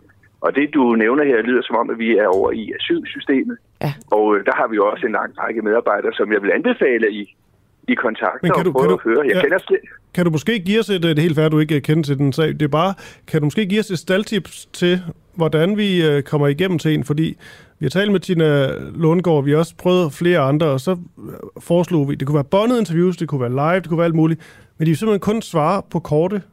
Korte skriftlige svar, hvor du siger, hvis, jeg var, hvis, tillid, jeg var, hvis jeg var jer, Ja, tak. så vil jeg, så vil jeg anbefale jer at ringe til mig. Ja. Udenom radioen. Oh. Og så kunne vi få en snak. Og så kunne jeg prøve at hjælpe jer med at få en forbindelse til den, der måtte være relevant. Det er normalt sådan, det fungerer. Kan vi prøve- At man ringer til pressevagten. Så du ringer bare på Røde Korsets pressevagtnummer. Så får journalister altid en service. Det skal lige siges, at vi har altså været igennem øh, hele det, det system, og hver gang vi så kommer videre til nogen, så svarer vedkommende på mail. Så det hjælper presvagten ikke så meget, fordi at den person så ikke vil stille op. Men jeg er glad for, at du siger det. Det kender, det kender jeg ikke noget til. Jeg har, jeg har pressevagten i dag. Du kan bare ringe til mig. Det lyder Vi, fantastisk. vi ringer sådan ved 10-11-tiden. Er, er, er, der, er det et godt tidspunkt? Jeg tager den, hvis jeg kan. Det lyder godt. Det lyder bare rigtig godt. Tusind tak, fordi du tager den og, øh, og beklager det her øh, lidt øh, uopfordrede kald. I Røde Kors tager vi altså altid pressetelefonen. Nå, det er godt at høre. Det er godt at høre. Vi tales ved. Ja, han god dag. Hej. Semi-succesfuldt. Eller, Ja, jeg kan også godt lide, altså nu lykkes det jo, ja. Jeg kan også godt lide, at du bare tager hele sagen, fordi man ved jo godt, det er en, pre- altså jeg sad og tænkte, altså du ved du godt, det er en pressemand, du taler med. Nå ja, men altså... Men jeg kan godt lide, det er gøre? sjovt, det er sjovt. Ja, ja. Og det er jo også sådan, man vil helst ikke have de... Som han skulle kunne svare på det. Var sådan, Det kunne da godt være. Det kunne godt være, at han var orienteret i den her sag og ligesom vidste et eller andet. Ja, det ville se ind i Det presstjenesten er bare. selvfølgelig ikke ham, der skal stå på mål for det. Det er rigtigt. Men det kunne være, at der var et eller andet. Ja. Går den, så går den. Det er spændende, når vi taler mere om, om et time eller to, om han er lige så godt humør. Ah, men han lød som... Ja, ja, okay. Jeg håber ikke, det har pisset ham af, at øh, vi lavede det her koldkald. Men alligevel, øh, han lød da som om, at han var til vores tjeneste. Simpelthen. Ja. Jeg vil sige, at jeg har talt med Victor Redersen. Det var ham, der øh, stod bag historien der i 2016 Radio 24 han, han har ikke tid til at være med, og kunne ikke helt huske sagen. Han sagde faktisk, øh, at for ham der var det egentlig ikke Ulrik Pil, der var den store skurk. Det var noget med kommunen og nogle politikere og sådan noget. Mhm. Det er jo ikke, fordi det er et sandhedsvidende, øh, fordi vi ved ikke helt præcis, hvad der skete ved Ulrik Pils konkrete rolle egentlig var. Det er også lidt noget gætteri. Men han sagde faktisk, for ham var det ikke ham, der sådan var skurken. Det bare lige for at få det med. Nå, helt sikkert, men det er heller ikke... Altså, man kan sige, det er jo ikke så godt, at en leder forsømmer at, øh, at oplyse, når der har været øh, misbrug af forskellige ting. Men, men det er mere det her med, at han er valgt til at blive øh, centerleder igen. Ja, og så også bare det, at Røde Kors ikke vil stille op til interviews, det forstår jeg ikke. Men det, skal det kommer til at lykkes nu. Det kan jeg, det kan jeg mærke. Det kan jeg også mærke.